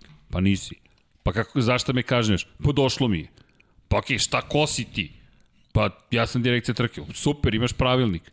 O pravilniku to nigde Upravo ne piše. to, ja, ja, ja o tome pričam. Znači, taj pravilnik mora mnogo doslednije mora da, da se poštuje i mora da se napravi da jednostavno isključuje te improvizacije. To, to je suština priče. Da, da, da, da pojasnimo, šefovi timova čekaju da svi zajedno izađu da bi se iskoristila zavetrina. Povećava se opasnost. Ali isto tako, Paolo Simoncelli ima dobar argument njih 30 na početku trke ponovo zajedno. Mi gledamo vozić od 15 vozača Moto Vozimo, Gledamo do kraja trke. Do kraja trke bukvalno. problem? U jednoj sekundi imamo 12 vozača i sad je to problem u kvalifikacijama, ali nije problem pa, ništa, u trci. organizujete skijaške trke, nek svak po, pojedinačno izlaze Super na stazu. Super pozicija. Super pol pa, pozicija, evo rekli smo, da. eto, to, to, to ti je rešenje. I onda su ga kaznili sa 1000 evra kazne i tako, otvorili još jedno pitanje ko, bez šta, veze. zašto, A, če, da. pa bukvalno bez veze. Ali, ali tu smo gde smo. Eto, nadam se da smo odgovorili na pitanje. Predlažem da, deki, da, bilo bi, bilo bi lepo. Ma samo udarite do dva ujutru, mi ćemo finansirati kafu i ostalo šta treba. Morbidelli u Repsol Hondi, kaže Strale. Ne može sledeće godine, ali Pole Spargaro je suviše važan projekat za Repsol. To je španski vozač, tako da sledeće godine ne može. Malo je prostora za Franki. I to je, ima mnogo španskih vozača u nižim kategorijama koji su dobri. Franki je u, u ozbiljnom problemu. KTM je popunjen, KTM i tekako voli Oliveiru i Bindera, sa Petrućim ima dvogodišnji ugovor, Lekonu će da zameni najverovatnije ili Remy Gardner ili će Raul Fernandez da dođe, ne, pre, pre vidim Remija Gardnera, ja sam, je ugovor. Iskreno, ja sam tipao što se Franke tiče na, na april, a sad u ovom svetlu sa Andrejom ver, Doviciozom, ver, ver tima, to je sad isto malo da. komplikovano. Da, to, to je to. Evo, Luka da. Morbidelli u Lučiće Kinelo Racing. Pa dobro, sad možemo da... Evo, evo opet, Takaki Nakagami, jedini japanski vozač, ima podršku Honda. S druge strane, Alex Marquez, posebne sponzore čovjek je doveo u Lučiće Kinelo Racing. Lučiće Kinelo ekipa koja traži sponzore. Tako, i rođeni brat Aleksa, Marka Markeza, ljudi, to, to, to su teške stvari. Ali, ako krenemo dalje, da. nećemo nikada završiti iz te perspektive. Gde vidimo Remija Gardnera, to smo upravo odgovorili. Remi ima ugovor sa KTM-om. I ja ga vidim kao umesto Ikera Lekone. Raul mislim da ne može odmah da dođe. Mislim da Remi prosto da će dobiti svoju priliku. KTM je tu dosta i možda će tu, možda će tu, e, upravo sam to htio. Mislim da će titula stvari. igrati ulogu ali mislim da će igrati ulogu u smislu da li će obojica Moto Grand Prix. Ja mislim da Remi ide ja. u Grand Prix. To ali, mi je pa, nekako... Da, on ide, gotovo svi. Vane je dao izjavu, da, da, da. Rasti iz garaž, inače da, da. oglasio se pratite podcast To će biti te slatke muke ako, ako slučajno Raul osvoji titulu i poželi Moto Grand Prix Jesi njegov li... paket mislim da je dovoljno sposoban da ga, po, da ga pogura ka tome. E, da li si u prostiču video ispratio i sa Casey Stonerom epizodu? Pričao je upravo o hroničnom umoru i rekao čovek, ja nedeljama znam da ležim na kauču. Prosto... Šest meseci. Da, da. Bukvalno šest meseci ono što je bio tužno, problem. Rekao je da ni njegova žena više ne može da vodi normalan život, prosto utiče na celu porodicu. Ba, baš da. jedna tužna priča, ali nadam se da eto da da da će nekako naći rešenje. Zaista zaista mlad čovek. Je pitanje da li Rossi može da vozi do kad hoće u svom timu. Može. Ne postoji pravilo koje mu to zabranjuje. Jedino što u kvalifikacijama mora da bude u 107 odsto odnosno na svajače pol pozicija, to će biti bez ikakvih problema. Da, prosto ne vidim da, ali mislim da je jedan od zapravo poteza da će jedan od vozača VR46 ekipe biti Valentino Rossi, verovatno sa Lukom će voziti. Uh, to, to mi prosto Luka Marini, njegov polubrat, mislim da će to biti braća, ja stojim kao da, što sam rekao na početku, samo je Luka to, to. za sad siguran, po tako meni je, nije je. čak ni Valentina, tako da. Da, Muhamed pita može li motor iz GP serije voziti obično po lokalnim cestama? Ne. To je motocikl koji je nemoguće registrovati. Nema, za početak nema žmigavce, nema retrovizore, nema ništa od onoga što vam je neophodno u saobraćaju. Što se tiče kočnica, takođe nisu legalne, to su od ugljeničnih vlakana, prosto teoretski mogli biste da ga pretvorite u to, to smo videli svojevremeno, e, jedan od najvažnijih racing replika, tih čuvenih RR motora, je Haydenovac sa brojem 69 RC211V, po Americi sam ih viđao, modifikovane da budu ilegalne street illegal, nisu legal, gde imaju karbonske, to je kočnice ugljeničnih vlakana, i gde je i dalje popularan taj motocikl, to je motor još iz 2006. godine, ljudi to se odavno ne proizvodi, ali to je tražena roba, što kažu. E, tako da, eto, to je najbliže, najbliže tome. Srki, da li mogu MotoGP timovi da se žale na kazne? Možete uvijek da se žalite na kazne, ali to vam je sada politika. Vi ulazite u sukob sa direkcijom koja vas kažnjava. Gubite vreme. Gubite vreme, a zapamtit će vam kadija te tuži, kadija ti sudi. Prosto, to je taj, to je taj sistem. Možete da izađete na sportski sud, sud pravde, ali tad ste otvorili sukob, čak i Valentino Rossi odustao od toga 2015. godine, jednostavno rekao... Bodovi su tu manje važni od novca, da, tako, tako da to nema niko vremena za to. Tako je. Kako stojite sa fantazijem, pozdrav za najbolju ekipu, pozdrav za, za motorsport, pozdrav Tihomire, onako. Ja, onako. Propustio sam prvu trku, tako da, da, ali spremamo se malo bolje. Samo mene ne slušajte šta pričam, sve okej. Okay. Tako je, da li Jelena može u goste za podcast broj 93, može li Igor da dođe u podcast za, za podcast, u goste za podcast o Šumiju? Pa Boško, svakako će ih biti, ali u ovim brojevima ne znam da li će baš biti u tim konkretnim brojevima. U, u podcastu Šumiju bojim se da je 100 rezervisan za trio Fantastikus ili vam sa desne strane gospodin Živković, a leve strane Potkonjak i moja malenkost, ali da. Dolazili Bl Blažičko u podcast. Moram priznati. Pa to ni on još ne zna. da, nismo čoveka još ni pitali, čekajte, ne stižemo baš sve, ali... Začekajte da prođe ali, ovo da, čudo, pa ćemo da vidimo. Tako je, Ducati napreduje zbog se dići RR, on je replika MotoGP mašine koja se možete i legalno saobraći. Tako je, a Stek prosto postoje motori koji se prave, ali da uzmete klasičan MotoGP motor i da ga vozite, morali biste dosta toga da, da, da, da, da radite. Mogli bi Max Bjađi i Valentino da dovode fabrički satelitski tim Aprilia, to bi bila senzacija. ne bi ne, mogli. to bi bila katastrofa. Ne bi mogli. Zamislite Rosija koji dolazi da pita Maxa, Max može motor. A to je dobro, dobro zapažanje, Max je brand ambasador Aprilije. Oduzet će mu, to, rat je na pomolu, da. Amir, aj, Herez ima da gori, ima da e, gori, verujte. To, je, da, to, to, to, je, da. to, to, to, to, to, je sigurno. To je prava rečenica. Kaže Milan tipujem na Frankije u Yamahi, mislim da je Vinjales potrošio kredit, ne očekujem produženje ugovora. Vinjales ima neku čudesnu vezu u Yamahi, ja ne znam koja je, ali ne vidim da će ga otpustiti zaslužio ili ne. Ognjen Radvojić Srki, jesi li igrao MotoGP 21 igricu? Kupio je, nisam je još igrao, ali ja moram da sredim prvo pro, prošlogodišnje situacije, COVID koji me izbacio zaista ako je ikad postojalo nešto što, što nisam uradio, ne zato što nisam želeo, nego zaista nisam mogao, prošle godine sa kodovima ispalo je drugačije nego što sam hteo, da se ne izvinjam ponovo, ali nadam se da ću uspeti to da, da sredimo ove sezone sa MotoGP 20 jedinicom, ne mogu da vam obećam, malo se promenila situacija, ali držim palčeve. E, neka Dovi dođe u Austriju da vozi da bude foto finish. da, da, da, to je dobar komentar. Ali ali dobro. Lep scenarij, da. Boris Mančevski, kaže podcast Marquez vs. Rossi, gosti Viktor Savić i ja. da, e, inače čulo sam se sa, sa Viktor, imate pozdrav od Viktora, a mislim da je vreme da idemo kući. To su poruke koje mi ovde šalju ljudi i kažu dosta čoveče, aman. Uh, slažem se, jedan ujutru je, nema smisla, ali to je, sam je Vanja predložio u 22 da se počne. Ja ne znam šta mu je bilo da predloži to vreme. Ja, ja, ja, ja to nikad neću razumeti. Ali, šalu na stranu, mislim da smo odgovorili na sve moguće i nemoguće pitanja i da je vreme da se polako, ali sigurno odjavimo. U suprotnom, verujte, neće me biti narednih dana u podcastu. Šalim se, naravno da imamo podršku cijele ekipe, ali redi da budemo pristojni, a i neki pretpostavljam da mora, moramo na posao sutra ujutro. Ovo je uživanje. Nadam se da ste i vi uživali, mi smo uživali, to uvek kažemo.